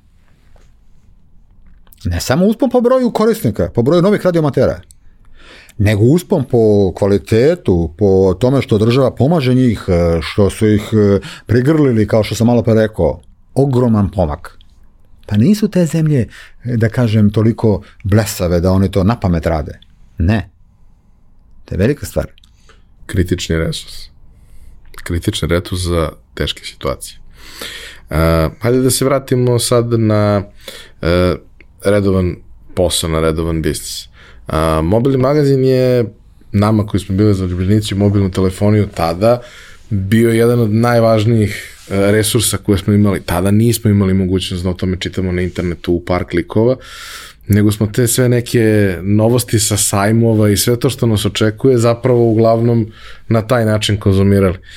To je bio jedan jako lepo dizajniran, moderno prelomljen, dobro opremljen časopis, časopis koji je bio barabar sa onim najboljim evropskim, samo što njih nismo imali, a ovo jesmo. Te evropski je donosio neko jednom u x meseci kad, da. kad dolazi ovde. E, kako se dalje razvijala cela priča sa, sa poslom i sa tom nekom konstantnom promenom i konstantnim prilagođavanjem? Iz meseca u mesec smo se prilagođavali. I vi ćete vidjeti, ja imam kući sačuvane sve brojeve Mobilni magazin je trajao od 99. do 2006. godine. Vi ćete vidjeti tačno promenu i tačno prilagođavanje, kuda odlazimo i kako odlazimo. E, a također vidjet ćete i ono što je najvažnije za preduzetnika opstanaka, to je kad vi listate taj magazin, vi vidite reklame unutra. Gospodine, to je lova.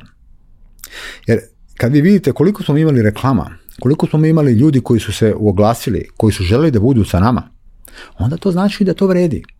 Jer to je tržište. Niko nije na silu mogao da natara neke privatnike da se oglašavaju i da... To je bio časopis, divan časopis. Ja, jedan moj prijatelj to voli da kaže, e, nikog ne možeš, e, niko nije magarac toliko puta. Može bude jednom Jedna, i da shvati da ne, ne radi to, i to je to. Na, zato se ne, to nije biznis. E, krim i je biznis, ali pričamo o normalnom poslovanju taj ma magazin mobilni je vredeo stvarno interesantan bio. Mnogo interesantan. E sad, kako ide prema 2006. godini, mm, tako se mi preoblačujemo, pa onda smo pre, prešli u malo računare, pa u laptopove, pa u e, neke tablete, one, pa u neke, pa, u stvari izvinite, Palm. Na Palm, hand, handheld računare. Da, da, kako beše, da, Kompak, onda ovaj je razne, ali je stvarno bio kvalitet e, i bio je baš, baš interesantan, sa pregrošt e, dopisnika raznih ljudi koji su radili u njemu, e, firmi koje su se predstavljale i to je vrlo interesantno bilo. Premenili smo taj fazon plaćeni PR, jel? Kako to oni sad kažu, ovaj, da vi u stvari predstavite se kroz reklamu, ali da to ne bude reklama ono pljas, vi prodajete nešto, već kroz vaše usluge šta vi možete Kroz kroz, neki sadržaj. tekst, kroz neki sadržaj ili kroz neki intervju ili već kako je bilo, ne znam ni sam. Tako da taj mobilni magazin je meni bio e, interesantan jer sam naučio, moram da kažem da sam sve e, poslove koje sam, e, sa kojima sam bavio, naučio kako, kako se vode i kako rade. U smislu kako se prelama. Da ja znam da prelamam. Kako se dizajnera, kako se koji program koristi. Sve, sve, sve. Da ne bi mogao da mi moj zaposlen kaže ne može to. Ili, ili, ne, ili ne znam šta. Ne, sve može. Ako se znam. Tako da su ovaj, 2003. sam već imao ideju i još bolji časopis je tada nastao. Časopis koji sam nazvao, moja supruga je onako, ona je bila naravno u podršku kući od svih imam, ali kad sam te časopise, onda sam manje govorio, a da, izvinjam se, na mobilni magazin časopis smo na naslovnoj strani e, slikali devojke. Ali ne devojke, ne znam, manekenke, no, ove poznate, nego kod vas u firmi imate sekretaricu koja divno izgleda, šarmantna, hajte nju da slikamo prvi put neku devojku koja nije nikada poznata. Nije poznat. Nepoznata. Znate zbog čega? Prvo, ona kad se pojavi na naslovnoj strani, pa ona je najlepši promoter naš, ona ide, pokazuje celom Beogradu, prijateljicama. Njeni roditelji kupuju, a to su, to su korektne e, fotografije, nisu to neke, da kažem, bezobrazne. Onda, vi kao firma, kad vam se vaša koleginica pojavila na naslovnoj strani časopise, pobogu, pa vi kupujete 200 komada i delite vašim ovim e, i tako dalje. Znači, više mu u vas jedim.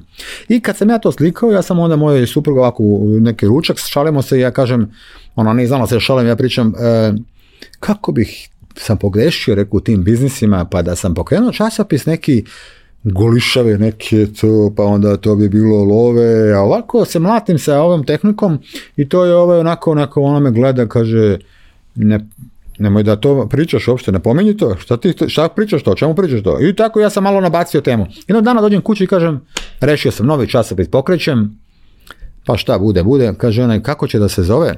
I ovako oči u mene, ja kažem, mogu samo ti kažem prvo slovo, pa kaži, kaži prvo slovo. A gledam, bežim iz kuhinje da me nema... Ja kažem, e.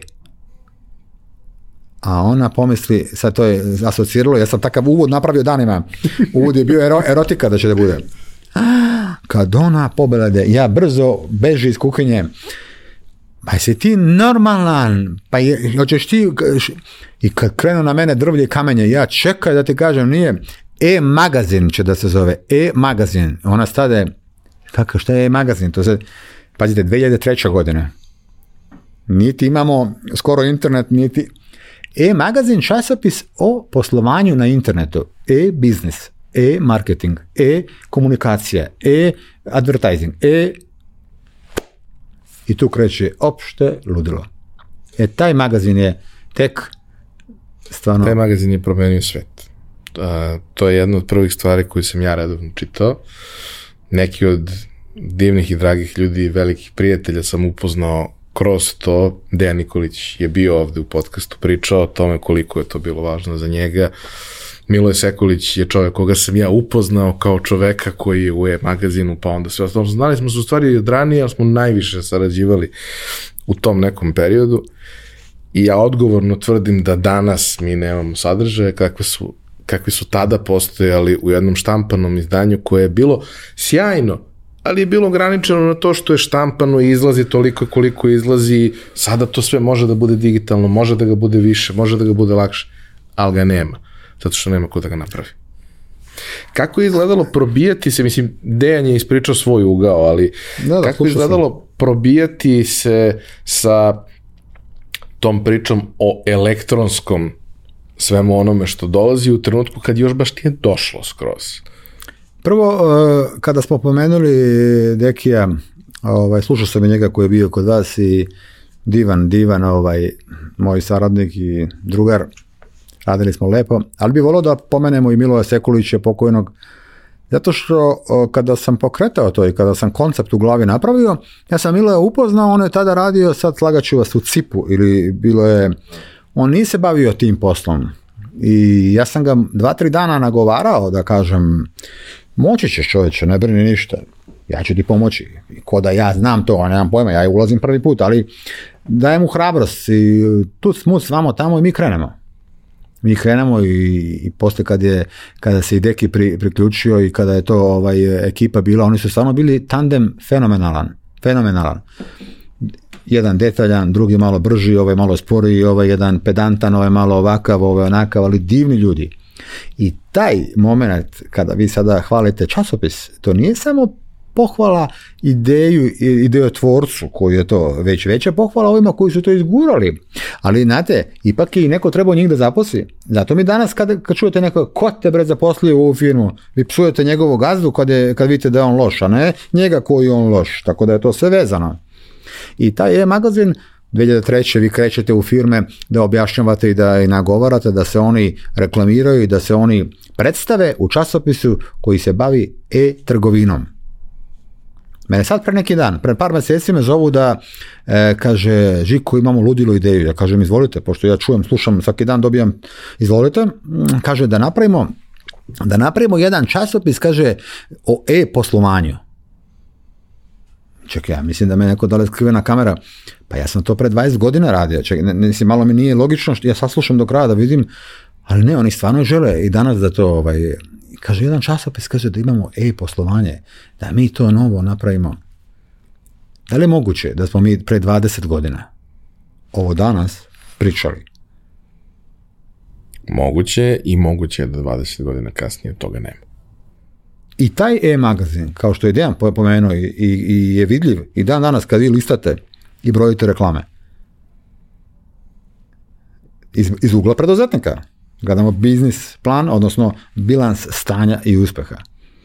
Postoji taj, taj moment gde ono, svi jako često pričamo o tome kako je nešto što smo na čemu smo radili bilo lepo, dobro, mi smo ga voleli i sve, ali zanemarujemo taj moment da da bi neka priča mogla da postoji dugoročno i da ima smisla, ona mora da bude isplativa, mora da bude održiva. I u, ako pričamo o umetnosti, vrlo su redki primjeri da neko uspe da napravi nešto što je održivo. Umetnost obično živi od podrške, da li države, grada, nekog, nije važno. Ali ima slučajeva u kojima ona ne mora da živi samo na taj način, nego može da bude održiva, a da ostane umetnost. Isto tako, ja sam imao tu, tu sreću da u pojačalu imam i Ivana Bevca, i Dekija i vas danas i da pričamo o tome kako izdavaštvo ne mora da bude ono što je, kako je inače doživljeno kao e, bacanje novca, nečiji lični hir, humanitarna aktivnost, nešto što nikad ne može da se isplati osim ako nije isključivo okrenuto ka žutoj štampi ili nekakvoj literaturi koja je masovna, ali ne sadrži kvalitet ni u kom obliku. Kako to ali šta je to, šta je ta magija koja nešto čini smislenim, atraktivnim, održivim, dobrim paketom koji uspeva da postigne to što deluje kao da je nemoguće. Magija je i, i, i šifra uspeha je ono što sam malo pre pomenuo. Balans između emocija i racionalnosti. Jer moje emocije su bile želja da ja imam edukativnog karaktera biznis. Sav biznis moj je bio edukativnog karaktera. Da li je to kroz časopise, da li kroz, imao sam veliku školu za računare i strane jezike, imao sam, sve su to bili biznisi usmjereni ka, da li tehnička edukacija, kroz servis, kroz uh, popravke, kroz objašnjavanja i tako dalje. A s druge strane, racionalnost, da vi taj biznis ipak postavite na noge da on bude održiv i da vi od njega imate neku korist, jer vi ste preduzetnik, krećete u biznis, uložite sopstvena sredstva da bi imali neku, neki plod taj balans se vrlo teško i dan danas e, kod ljudi u glavi ispostavlja, uspostavlja. Ja sam ga uspostavio. Znači, balansirao sam između želja između realnosti.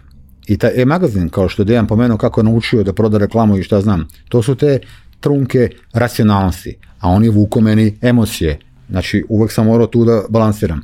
I to je dokaz i je magazin i mobilni magazin da može da se radi, da se zaradi lepo, da bude kvalitet, da srećni budu i kupci, i oglašivači, i zaposleni, i svi. Čitav krug. I taj e-magazin je trajao 2006. ili isto, ja sam 2007. prodao sve kompanije. Znači to je tako otprilike bilo, 3-4 godine. Ni on, e, ni jedan moj biznis nije propao. Ja sam ga u piku, kad je bio u piku, prodao. Zašto? E, opet svraćamo. Emocije i realnost. Racionalnost. Znači, osjetio sam da Srbija tada spušta granice. Ja sam bio sam. Samostalac se zove. Preduzetnik samostalac. Nisam bio pripadnik ni jedne velike kompanije, ni, jedna, ni jedne velike grupacije, ni, ni ove, ni one, nego jednostavno sam na tržištu balansiram, gledam. Srbija spušta granice, ja osjećam da više neću moći da se borim na tržištu dolaze veliki e, sistemi, dolaze ono, sa 300 šlepera robe, pa da ja da mu konkurišem, šta ću ja mučenik sa jednim kamiončićem onim mojim, na primjer, ili neću moći, jednostavno ne mogu. A da ne bi dozvolio da mi se sistem firme uruše, da, bi, da, da krenu nizbrto, ja sam taj pik moj odabro i plasirao na tržištu i školu za računare, i marketing agenciju, jedan časopis, drugi magazin, e, prodavnicu za, za opremu za, za ribolov, e, prodavnicu za računare, prodavnica za tehničku robu, e, ne znam nije, šest, sedam nekih grana. Sve u istom trenutku. A ono što je uvek bitno, posebno kod ljudi koji rade više različitih stvari istovremeno, osim što oni vole sebi da komplikuju život, je da to nije moguće ukoliko nemaju vanredno dobre saradnike i takve ljude je jako teško pronaći i zabrati. Danas je, verujem, teže nego ikad, ali nikada nije bilo jednostavno. Kako ste vi birali te ljude sa kojima ćete, koji su bili ključni za svaki od tih segmenta kojim su se bavili? Pa opet, uh, intuicija, znanje, talenat, iskustvo, pitanje, raspitivanje. Šta su oni trebali, kako izgleda fotorobot te osobe? Danas sam to sveo na 10 minuta, pre sam morao da, znate, grešio sam puno. Grešio sam, u startu sam tragao za ljude, e, zapošljavao, imao sam, pet, imao sam e, ovaj 20 godina, vratio se iz vojske, zapošljavao sam ljude, mislio sam da je to rješenje, koji imaju, koji imaju diplomu. Jeste vi završili neki fakultet? On kaže jesam. Dođi vam gospodine, vi ćete raditi ovdje, vi ćete ovdje, da li su to administrativni, tehnički, financijski, bilo koji poslovi, super. Međutim, kasnije sam primetio da sam pogrešio. To nema nikakve veze što on ima diplomu. A onda sam rekao sebi, ej, čekaj, čovječe, grešiš. Aj sad tražimo ljude koji imaju iskustva. Ivane, izvinite, e, ne zanima me da li ste vi završili školu, jeste vi imate iskustvo da ovu čašu mi polirate da bude da, da, da. Ajde, uradite to. On uradi, divno. Vi ste moji. Bravo, sede. Ma ne pitate čovječe, gdje si završio školu, koja ti ocena bila iz filozofije, iz matematike, iz hemije, nema bez. Sedi radi. Međutim, ja sam poslije ukapirao da sam i tu pogrešio. Pa zadnjih desetak, 15, 20 godina više ne tražim ni one koji imaju diplomu. Ne tražim ni one koji imaju iskustvo. Već sad samo tražim one koji imaju talenat talenat. Mene to zanima. Ne treba da imate ništa od škole, ne treba da imate ništa od iskustva. Samo da imate talent, dođite. Jer zašto? Imam volju, želju, strpljenje i vremena, to je uslov, da ja vas oblikujem po mojoj firmi. Ako su talent. Sad ja malo grubo pričam, ovo nije tako da ne mi se vaši slušalci da je to e, da je to šablon, ali je filozofija ta. Jer lakše mi je da ja uložim energiju, trud, vreme, snagu, volju, želju, da vas oblikujem prema mojoj firmi i da taj talent maksimum iskoristim onako kako sam ja zamislio, nego da vas sa iskustvom primim. Vrlo teško da vas ja obrnem, jer u toj firmi ste radili ovu čašu na desno ste polirali, a meni treba na levo. A vi se bunite. Vi niste naučili. To je razlika velika. Zato danas ceo svet ne traga više ni za diplomama, ne traga više ni za radnom iskustvu, samo traga za talentima. I tu dolazimo do 2008. kada ja shvatam da će to biti u budućnosti najvažniji resurs i u privredi, i u nauci, i u tehnologiji, i u državi, i u politici, i u svim oblastima života. Talenti. Samo jedno pitanje pre nego što pređemo na tu priču. A, to je, ok, talent, razumem, talent je predispozicija, talent je jako važan, ali stav je često u životu možda i važniji upornost, spremnost na neku, na neku vrstu truda. Ona ne ide uvek sa talentom. Često su talentovani ljudi jako lenji. Ja se slažem da u adekvatnom okruženju ti ljudi mogu da budu drugačiji, verovatno iz njih može da se izvuče maksimum. Ali je nekad to jako teško i tu vrlo često dolazimo do onog problema, a to je da nemamo ni vremena, ni energije za to. Imamo taman toliko da neko ko je dobro rešenje uključimo u sistem, a ne da ga, da ga motivišemo da se upali, pa onda da od njega pravimo nešto. Kako to pomiriti? Da krpimo rupe. E, talenat bez upornosti ne ide. 50-50% je otprilike važno da bude, jer jedno bez drugog ne ide. Ni Đoković ne bi uspio da nije bi uporan, a i ne bi da je ta, da nije talent ne bi uspio da je ceo dan lupo lopticu i tako dalje. To nema šanse da iko uspe bez da je i jedno i drugo. Ali sam uvek bio pristalica da prvo tražim talenta, pa ću da probam da mu probudim radnu naviku. Da probam, ako već nema. Jer mi je to mnogo lakše da uspem nego da ga nađem sa radnom navikom, a da nije talent, da mu ja probudim talent. da. Zato tražimo talente i molimo Boga da on ima radnu naviku. Ako nema radnu naviku, ne odustajemo. Polako pokušamo da mu tu radnu naviku probudimo. Kroz radne sisteme, radne načine, motivaciju i druge sisteme. Ako uspemo, uspemo. Ako ne uspemo, hvala prijatelju, doviđenja, prijetno, idemo dalje. Nema tu čarobnog štapića da vi možete u istom trenutku da Desi se, naravno, da imaju talenat i, ali talenat i upornost, on je uspešan preduzetnik. Tako je. Šta se dešava 2008. U tom trenutku kad ja prodajem se moje kompanije i želim da više izađem iz tog privatnog biznisa, shvativši da oko sebe imam već puno genijalaca koje sam okupio kroz neformalno druženje, Srbija kreće u razvijanje, znate i sami šta se dešava, to je pred onu financijsku krizu kada je pucalo sve od para i od investicija, bar u svetu. Ja počinjem da okupljam genijalce i to mi je bila jedna ideja, prvo da probam da njih, pošto sam tada bio dobar sa privredom u Srbiji, poznanik, da pokušam znanje da spojim sa privredom. I da ih predstavim i da privreda ima od njih koristi, da oni se predstave privredi, jer oni uče škole i oni su talenti za sebe. Nisu oni učili i osvajali nagrade da bi se predstavljali u medijima. Ono ne, oni uče zbog sebe, svoje duše. Tako da oni nisu naučeni i predstavljeni u mediji. I to je trenutak kad mi krećemo da se i formalno okupljamo jednom nedeljno, registrujemo udruženje jednom sa željom i sa ciljem da pokušamo da pišemo projekte naučno-istraživačke, kulturno-umetničke, obrazovne projekte, skup tih ljudi, tih mladih genijalaca i da na taj način dobijamo neka, neke poslove, posebno u Evropskoj uniji, Americi, Japanu, gde se otvaraju veliki fondovi za neke ideje. To je bila ideja. To je bila naša strategija, vizija i tako smo krenuli. Međutim, kasnije kad sam primetio da tržište ne poznaje te talente, te genijalce, ne poznaje te naučnike, nemaju pojma ko su, šta su. Onda smo došli na ideju da možda, hajde da se predstavimo, pa sam pre, krenuo da lobiram u medijima, da malo pišu o njima. 2009. 10.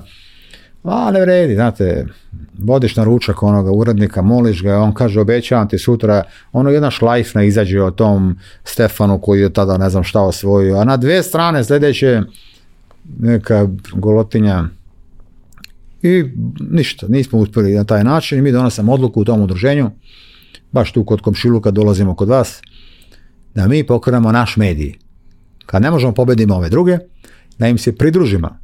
Ali pošto sam već iskusan u medijima, u smislu štampanih medija, u strategije, u elektronike, tehnike, ja idem odmah korak dalje i kažem dižemo televiziju.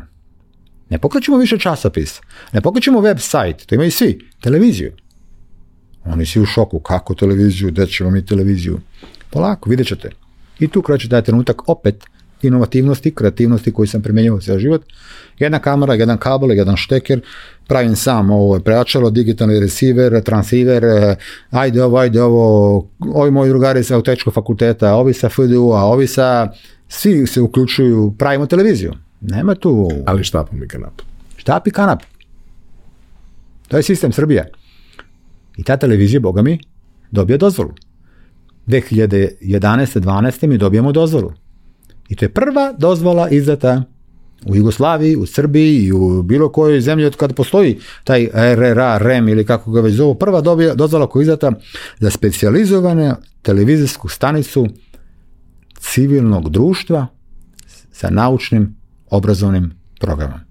Otprilike, to je trenutak, odnosno možda mislim da je čak i par godina ranije, trenutak kada obrazovni program kao takav nestaje mi imamo kablovske kanale na kojima možemo da naletimo na one neke zanimljive stvari, ali ja sam dete koje je odraslo na, naravno, Aci Poštaru, Branku Kockici i svemu ostalom i to je bilo zabavno i poučno, ali ja sam dete koje je odraslo i na opstanku i na svim tim nekim stvarima koje klinci koji su samo 7, 8, 10 godina mlađi od mene nikad nisu čuli da postoji, jer tada više nije bilo prostora za to na RTS-u. A RTS je zaista to i taj deo uvoznog, sinhronizovanog, ali i onaj deo autorskog programa radio na jedan potpuno fantastičan način. Ja sam obožavao to, ja sam jedva čekao da idem u drugu smenu da bi u prvoj smeni mogao to da gledam, u dok radim domaći. Posle su i privatne televizije, ja sećam se, ne znam, BK je bila super primjer za to. BK je imao ozbiljan obrazovni program ujutru.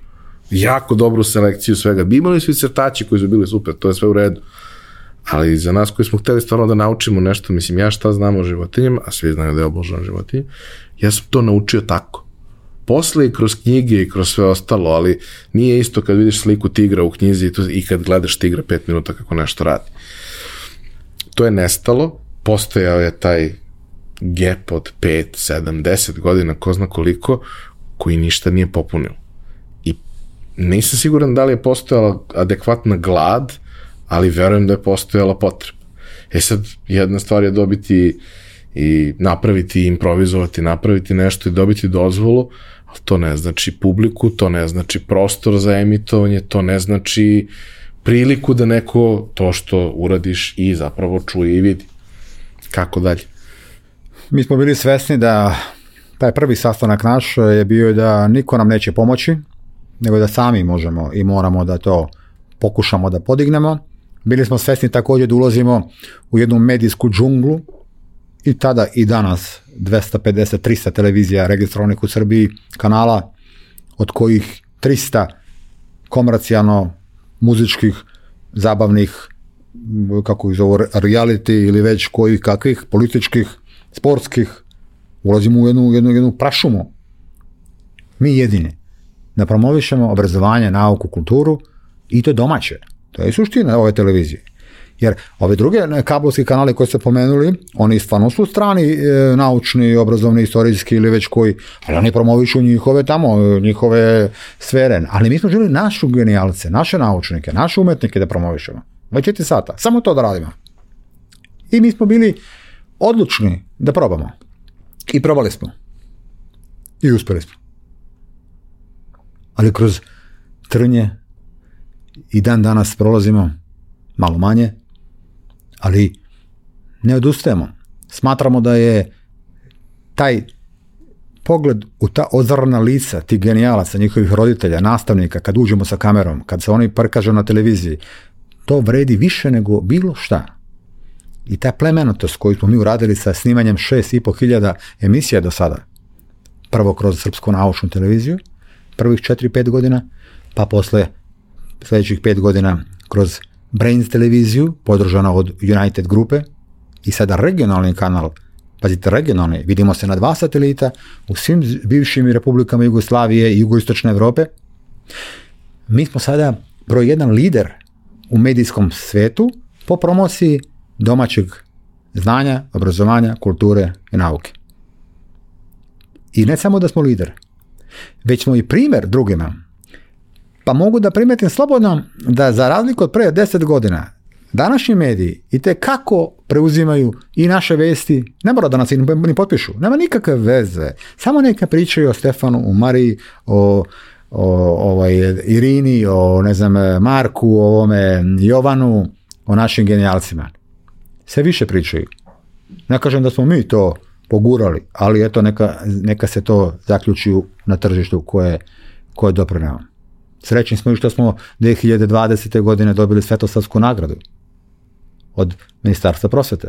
Srećni smo i što smo e, pobedili na više konkursa i na nekih takmičenja i na nekih e, e, nagradnih e, ovaj nadmetanja sa nekim emisijama, serijalima, sa nekim preteći smo što okupljamo i dalje genijalce, što su ti kad to su sad ti klinci od pre deset godina veliki naučnici po svetu i, po, i domaćim krugovima, ali nažalost tužni smo što i dalje Srbija ne vidi da je jedan kanal bar potreban da bude takav i da nas još snažnije druga strana podrži.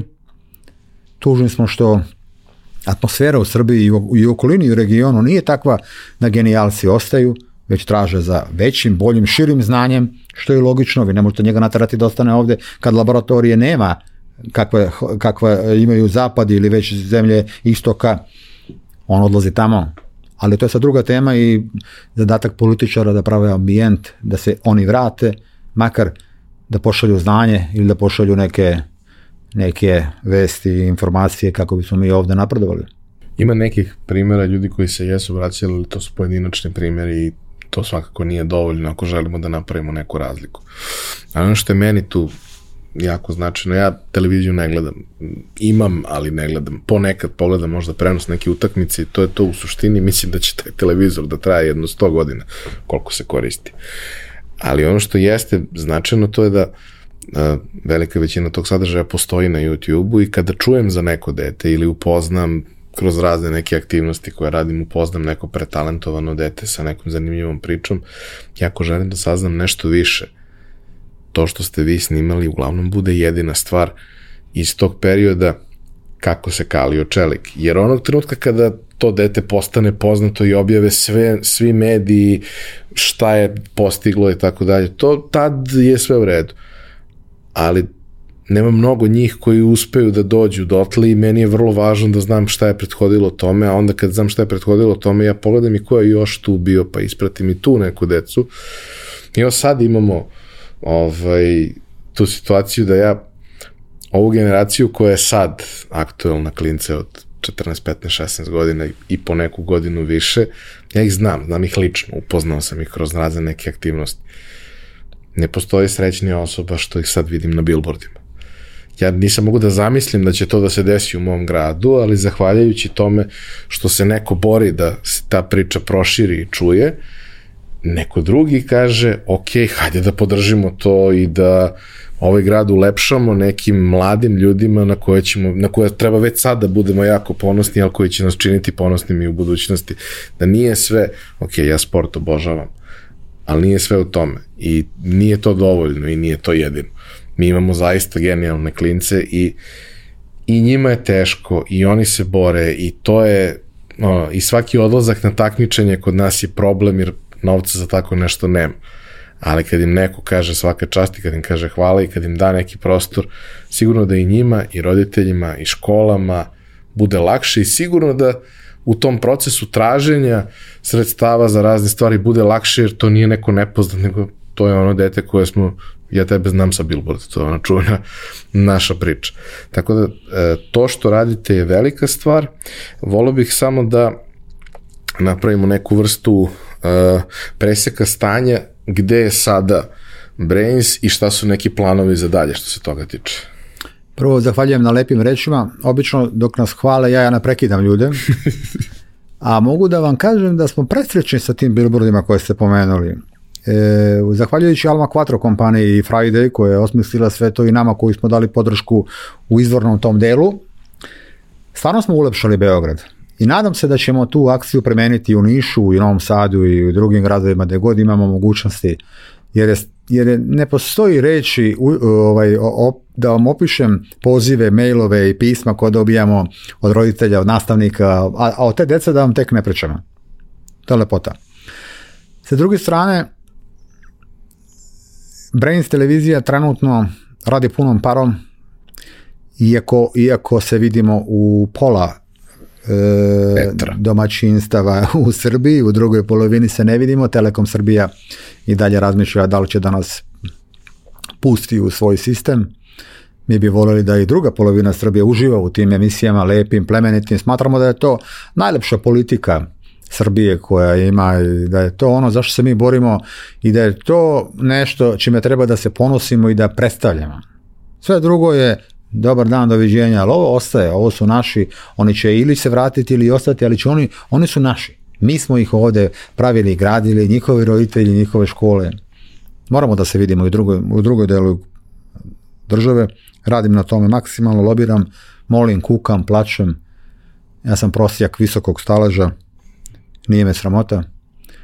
Tako da imamo nove ideje i lepe za ovu godinu, imamo i interesantne projekte sa kojima ćemo izaći. Naravno, to su sve projekti u našem segmentu obrazovanju, kulturu i nauci, promociju tih stvari. Pravimo prijateljstva sa raznim e, zavodima, kompanijama, institucijama, naučnim ustanovama. Jer ako se ne spojimo i ako se ne udružimo, pobedit će nas ovi drugi. To je jedna borba neprestana sa kojom se mi ovaj, susrećemo i evo neko, ako, je, ako smo pred kraj negdje da se vratim samo na ono što sam ostao dužan, a možda ste primetili kada sam rekao da fakultet nije bitan i da za mene nije bilo Međutim, to ne znači da učenje nije bilo bitno. I to je onaj e, suština i srž svega mog e, i uspjeha i ogromno znanje, učenje koje ulažem u sebe, van školske aktivnosti, svakodnevno, svakonoćno, u više oblasti, u više segmenata. Ne trebate vi da budete na nekom kursu da biste nešto završili. Danas imate takvu mogućnost da možete stvarno sami, ako želite, stvarno ako želite da to učinite. I tako da i dan danas pratim i management, i biznis, i financije, i medicinu, i svemirske nauke, i promociju, i marketing, i advertising, i razne, razne druge, da ne pričamo o elektronici, o tehnologiji. Ne moram ja da idem na fakultet i na biznis, ja nemam vremena trenutno. Mada sam, iskreno govoreći, ali to neko ostane za jednu drugu emisiju, bio jedinstven slučaj koji je teo da upiše medicinski fakultet pre deseta godina, pripremio prijemni ispit, otišao, uplatio, ja mislim čak i onu uh, taksu i na medicinskom fakultetu, fakultetu su me odbili. Sa razlogom da ne mogu da položem prijemni ispit, zato što sam ja završio srednju školu, a nisam gimnaziju. ja sam onda čak išao i kod svih prodekana tada, i kod dekana, i kod ministra. Sa molbom i željom da meni u 43. 4. 5. godini odobre način da ja polažem prijemni ispit. Ne da ja položim, nego da polažem. A da nisam bio u gimnaziji. A oni kažu, ne može Žiko, ne može jer jeste da ti ustav daje za pravo da budeš podjednako, to je tačno, ali ipak je fakultet medicinski iznad ustava i oni su propisali svoje pravilo da ako nisi imao u trećoj i četvrtoj godini biologiju i hemiju, ne možeš. A ja sam imao, Ivane, u prvoj i drugoj godini Da, da. I bez obzira što sam ja njima dokazao i pokazao da su najbolji hirurzi Amerike trenutno i Japana elektrotehničari u duši. A kasnije se preobrazili i završili medicinski fakultet, specijalizirali hirurgi i postali vrsni hiruzi. Ne, ne može, nisi imao u trećoj godini i četvrte biologiju. I ja tog, te godine dođem na, moja čerka upisuje srednju školu tada, gimnaziju, ja dođem na ideju da upišem gimnaziju četiri godine da idem sa čerkom u gimnaziju, pa da poslije dođem na medicinski, da im pokažem kako se uči i kako se leče ljudi. Moja majka bila vrhunski lekar, sve knjige koje je ona ostavila, ja sam ih proučio.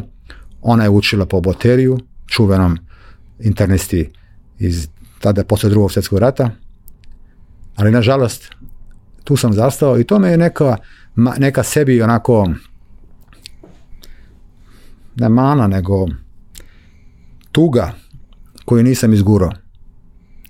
Ako jednog dana budem imao mogućnosti da utičem na politiku i na neku ovdje e, državnotvornu sistemsku funkciju ili uopšte oko toga, prvo što bi uradio to je promenio bi to. Da se primeni ustav i da svi mogu da uče ono što žele i ono što smatraju da mogu da nauče.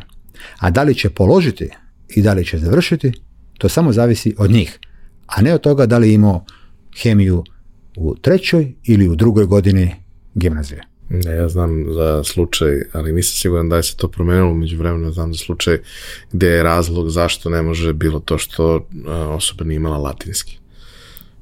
Pa dobro, toliko latinskog će naučiti za mjesec dana, ako je to bitno. Ne, ne, kao ne može. Ne, ne može da polaže ni razliku, jednostavno kao ne može i to je to. I dobro. A, nismo završili, imamo još jedan segment, a to je segment koji je počeo, ja mislim, ne znam, ali mislim da je počeo sa jednom e, jako e, malom, ali debelom knjižicom. A umeđu vremenu se pretvorio u jednu, e, jednu lepo popunjenu policu različitih sadržaja od nečega što je bilo vrlo praktično i upotrebljivo za ljude koji su u biznisu. Trenutno kada biznis literature suštinski ovde nije bilo, ok, izdavo je Clio, ali to su uglavnom bili prevodi, nije bilo lokalne biznis literature koja bi imala smisla. Nema je ni sad previše, ajmo da budemo iskreni. Ovaj, počelo je od toga, a ovo danas što, što pišete i objavljujete je možda upravo ono nešto što nedostaje u, sa, iz ugla zanimljive istorije, jer za bog takvih stvari se ljudi zaljube u istoriju, zaljube u grad, zaljube u razne stvari i zanimljive nauke, naučno-popularnog sadržaja, zbog kojih se ljudi zaljubi u nauku, zaljubi u inženjering i sve ostalo. Ajmo prvo kako je došlo do, do ove prve knjižice, a kako onda do ovog posle tih 2000. godine i 2003. četvrte nakon e magazine mobilnog magazina gdje stvarno uspjehe e, pokazujemo u svim e, kompanijama pozivi stižu od raznih e, privrednika da predstavim ideje, da im pomognem u raznim konsultantskim nekim poslovima, aktivnostima. Ja to činim koliko mogu i koliko umem, prihvatam se posla. Nagovaraju me da moje iskustvo dotadašnje i uspjehe koje sam stavio pretočim u jednu knjižicu. Meni to tog trenutka nije bila loša ideja. I opet inovativnog karaktera pravimo knjižicu džepnu, malu, nazovem, nazvali smo je Budi Guru Manager i ona je prodata u više desetina hiljada primjeraka. To je prva knjižica u Srbiji i Jugoslaviji tada koja je prodavana na, na kasi supermarketa, C market, imate kasu, imate ovako jednu stalažicu smo napravili i ona tu kao cigare stoji poređena. Šta je ovo? To vam je knjižica, daj dva komada, tri komada i to se išlo, vrtelo, čitalo i tako dalje. To je moj korak u izdavaštvo bio Međutim, nisam bio srećan. Nisam bio srećan zato što sam primetio da odlaskom u te kompanije, da držim predavanje, da držim govore, da držim neke neke kurseve ili već zašto su me zvali, sam nailazio, bez obzira na plaćanje i na pare, na to me uopšte nije interesovalo. Mislim, e, završavali smo, ali ne, nego me interesovalo da li su oni e, željni tog znanja. Nisu bili željni znanja. To je bio problem. Oni su bili po naredbi došli da slušaju u popodne. Razumete, u pet popodne oni kunjaju i meni je prosto žao da ja sad go, trošim moje vreme, znate, trošim njihovo vreme, a to ništa toga nema. Ništa toga nema. Ja sam digao ruke od toga. I tada sam tih 2005. 4. 5. 6. prešao na taj sistem rada jedan na jedan. Odabrao sam desetak otprilike klinaca, mislim na klinaca, bili su tu i srednjih i starijih godina i klinci i radio sam jedan na jedan. I danas imam petoro njih, šestoro sa kojima radim, učim ih sve, postavljam, guram, pomažem, oni rade, svi su uspešni. Svi su uspešni. E, lakše mi je da ostavim trag tako, petoro njih da bude genijalnih, nego da držim predavanje njima hiljadu i da od njih hiljadu niko... Da nema ni tih pet. Niš, pa kak nema ni jedan. Tako da sam tada odustao od knjiga u biznisu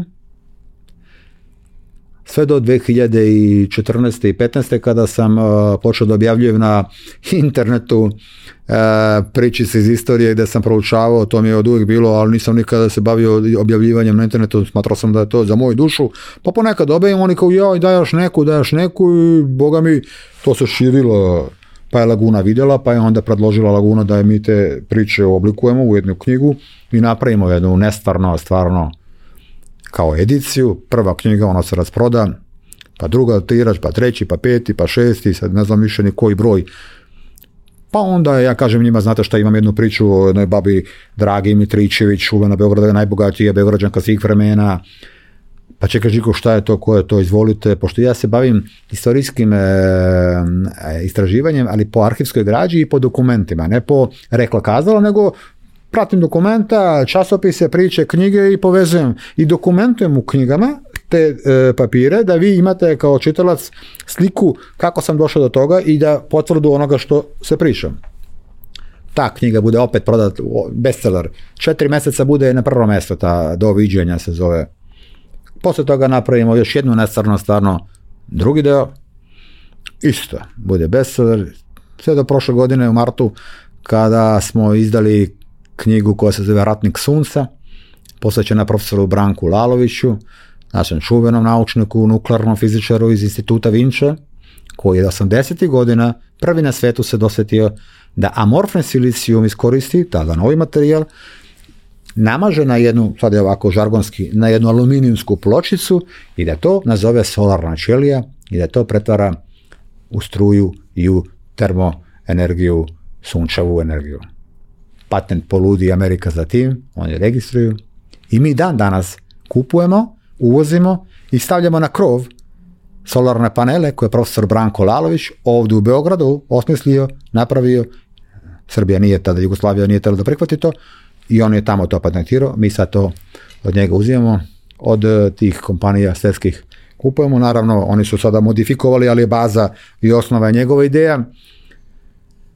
Ta knjiga se isto lepo prodaje, Drago mi je da smo oživjeli zaboravljenog profesora Branka Lalovića i očekujem, podneli smo zahtjev, evo sad ekskluzivno gradu Beogradu, naše udruženje je napravilo jedan lep spomenik, podneli smo zahtjev za dozvolu, nadamo se da će nam grad Beograd izaći u susret, da nam bez para, mi ne tražimo ništa dinara, samo dozvolu da montiramo i da postavimo negdje na neko lepo mesto spomenik Branku Laloviću,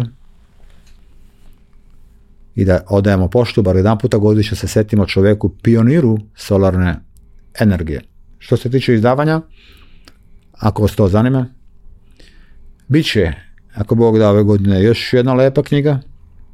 Ostavio bih kao malu onako tajnu, da ostane da bude želja, da bit će vrlo interesantna, nešto poput Trage Mitričević, samo u drugom fazonu. Vrlo lepa, zanimljiva, malo komična. Jedno samo pitanje. A, ljudi kažu da, mislim, ja sam napisao knjigu, ali to kako sam ja napisao knjigu, to, to nije model koji treba bilo ko da proba da primeni za sebe. Ali ta sposobnost pripovedanja i svega ovoga što ste radili se vidi da to postoji unutra da je to negovano i da se na tome radilo, ali jedna stvar je imati, biti talentovan, imati sposobnost, druga stvar je biti u stanju da to pretočiš u jedno delo koje je ozbiljno, kvalitetno, zanimljivo, a prijemčivo tako da neka šira populacija uzme da to konzumira. Mi pričamo o knjigama koje uh, pričaju lepe priče o Beogradu, nikoga ne, ako gledamo medije, nikoga ne zanimaju lepe priče o Beogradu, a vi ste lepe priče o Beogradu uspeli da u, da ih smestite u mnogo hiljada domova. Uh, šta je razlog zašto je to zašto je to dobro osim činjenice da je to velika ljubav sa jedne strane i, i želja. Da, to je broj jedan. Broj jedan ovaj, uh, uživanje u stvaranju te knjige.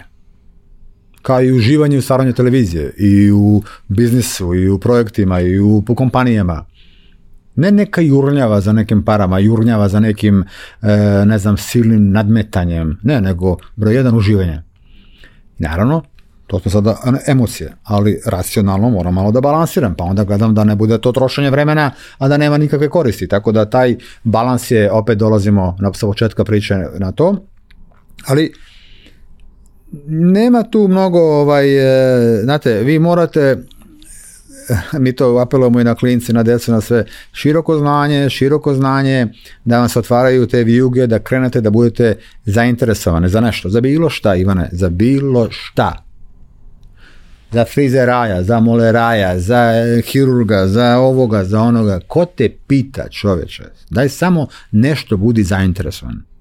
I ako si zainteresovan za bilo šta i budeš snažno motivisan da to radiš, ti ćeš biti najbolji. Znate što znači danas biti najbolji moler? pa on zarađuje više od... danas i loš moler zarađuje jako. Pa da vam ne pričam šta znači biti najbolji hirurg ili najbolji stolar ili najbolji ovaj ili najbolji ovaj. Ne brinite za pare. Ne brinite. Ako ste najbolji ili do najboljeg. Šalim se. Znači da budete među dobrima, vrednima, kvalitetnima. To je suština. Ja mislim da smo mi, ok, postoji razlika u godinama, ali da smo mi bili generacije koje, možda zbog toga što sve nije bilo toliko dostupno kao što ste rekli na početku, da smo mi bili generacije koja mnogo više toga zanimalo. A to što te nešto zanima, što se za nešto interesuje, ne znači da će to sad nužno da se pretvori. Ali su veće šanse. Da, veće da. su šanse da što te više toga interesuje, naiđeš na ono nešto što je prava stvar i što je tvoj poziv. To je jedan razlog i drugi razlog zašto težim i zašto promovišem širokog spektra znanja je zato što danas i sutra život, čovečanstvo, napredak traži široko znanje i paralelu sa raznim naukama, podupiremo se, nije više specijalnost u jednome, znate, ako ste specijalista samo za jednu stvar, Teško ćete vi danas. Pa evo pogledajte dokazi Nobelove nagrade, mada neko ceni, neko ne ceni, ja cenim naravno, ali Nobelove nagrade većine slučajeva se daju sada dvoje, troje, troje, četvero, sa dve kontinenta, ovo je davde, redko sad ide na jednoga, mislim za ove nauke, hemija, biologija, fizika i šta znam, mora da se mreža pravi. Kako ljudi, tako i znanja i tako i oblasti naučnih. Multidisciplinarnost sa jedne strane, a i ono što sam isto negde istražujući i razgovarajući recimo konkretno u medicini, što sam shvatio da oni baš, baš najcenjeniji stručnjaci, oni nikad nemaju jednu specijalizaciju. Oni su barem dve stvari specijalizovali i zato što znaju te dve stvari, oni su u stanju da vide stvari koje nije u stanju da vide niko drugi, jer ima ono, ono staro poznato kada ti u ruci čekić sveti liči na Excel. Ako si uh, ortoped, ti ćeš svaki problem da probaš da, da, da rešiš kao ortoped i nećeš se baviti suštinom. Zato je negde važan doktor opšte prakse, internista, taj koji ima širu sliku. Ali ako ti možeš, možda da nemaš široku sliku, ali da imaš malo širu sliku od onoga što je tvoj neposredni ugao gledanja, ti imaš mogućnost da vidiš mnogo više i mnogo dalje Absolutno. nego bilo ko drugi. Žiko, hvala. Hvala vama. Prvo hvala na svemu onome što radite i kroz Brains i kroz knjige, jer zaista najiskrenije smatram, dragi komšija, da vi ovaj svet činite boljim mestom i da bi ova zemlja i ova planeta bile bolje za sve nas, da ima malo više ljudi koji pokušavaju da urade istu stvar ili sličnu stvar kao što radite vi. Hvala, Hvala vama. Hvala vam što ste nas slušali.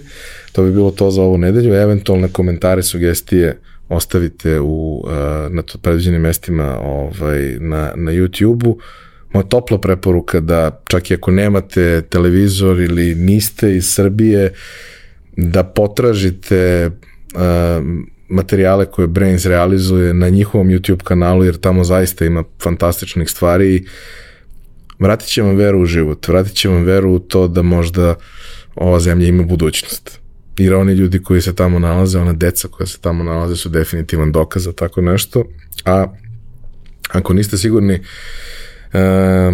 kakav je ovaj grad u kome živite, možete malo da istražite kakav je nekad bio, jer nekad je bio zaista zanimljiv i dalje sigurno postoje takve priče, ali da bi znali šta imamo sad, možda treba da istražimo šta smo imali nekad, pa bacite pogled na i blog, ovaj, uh, gde, gde je deo sadržaja iz knjige Nestvarno i stvarno, a ako vam se to dopadne, pa barem ta knjiga može da se nađe na, na raznim mestima u oba izdanja.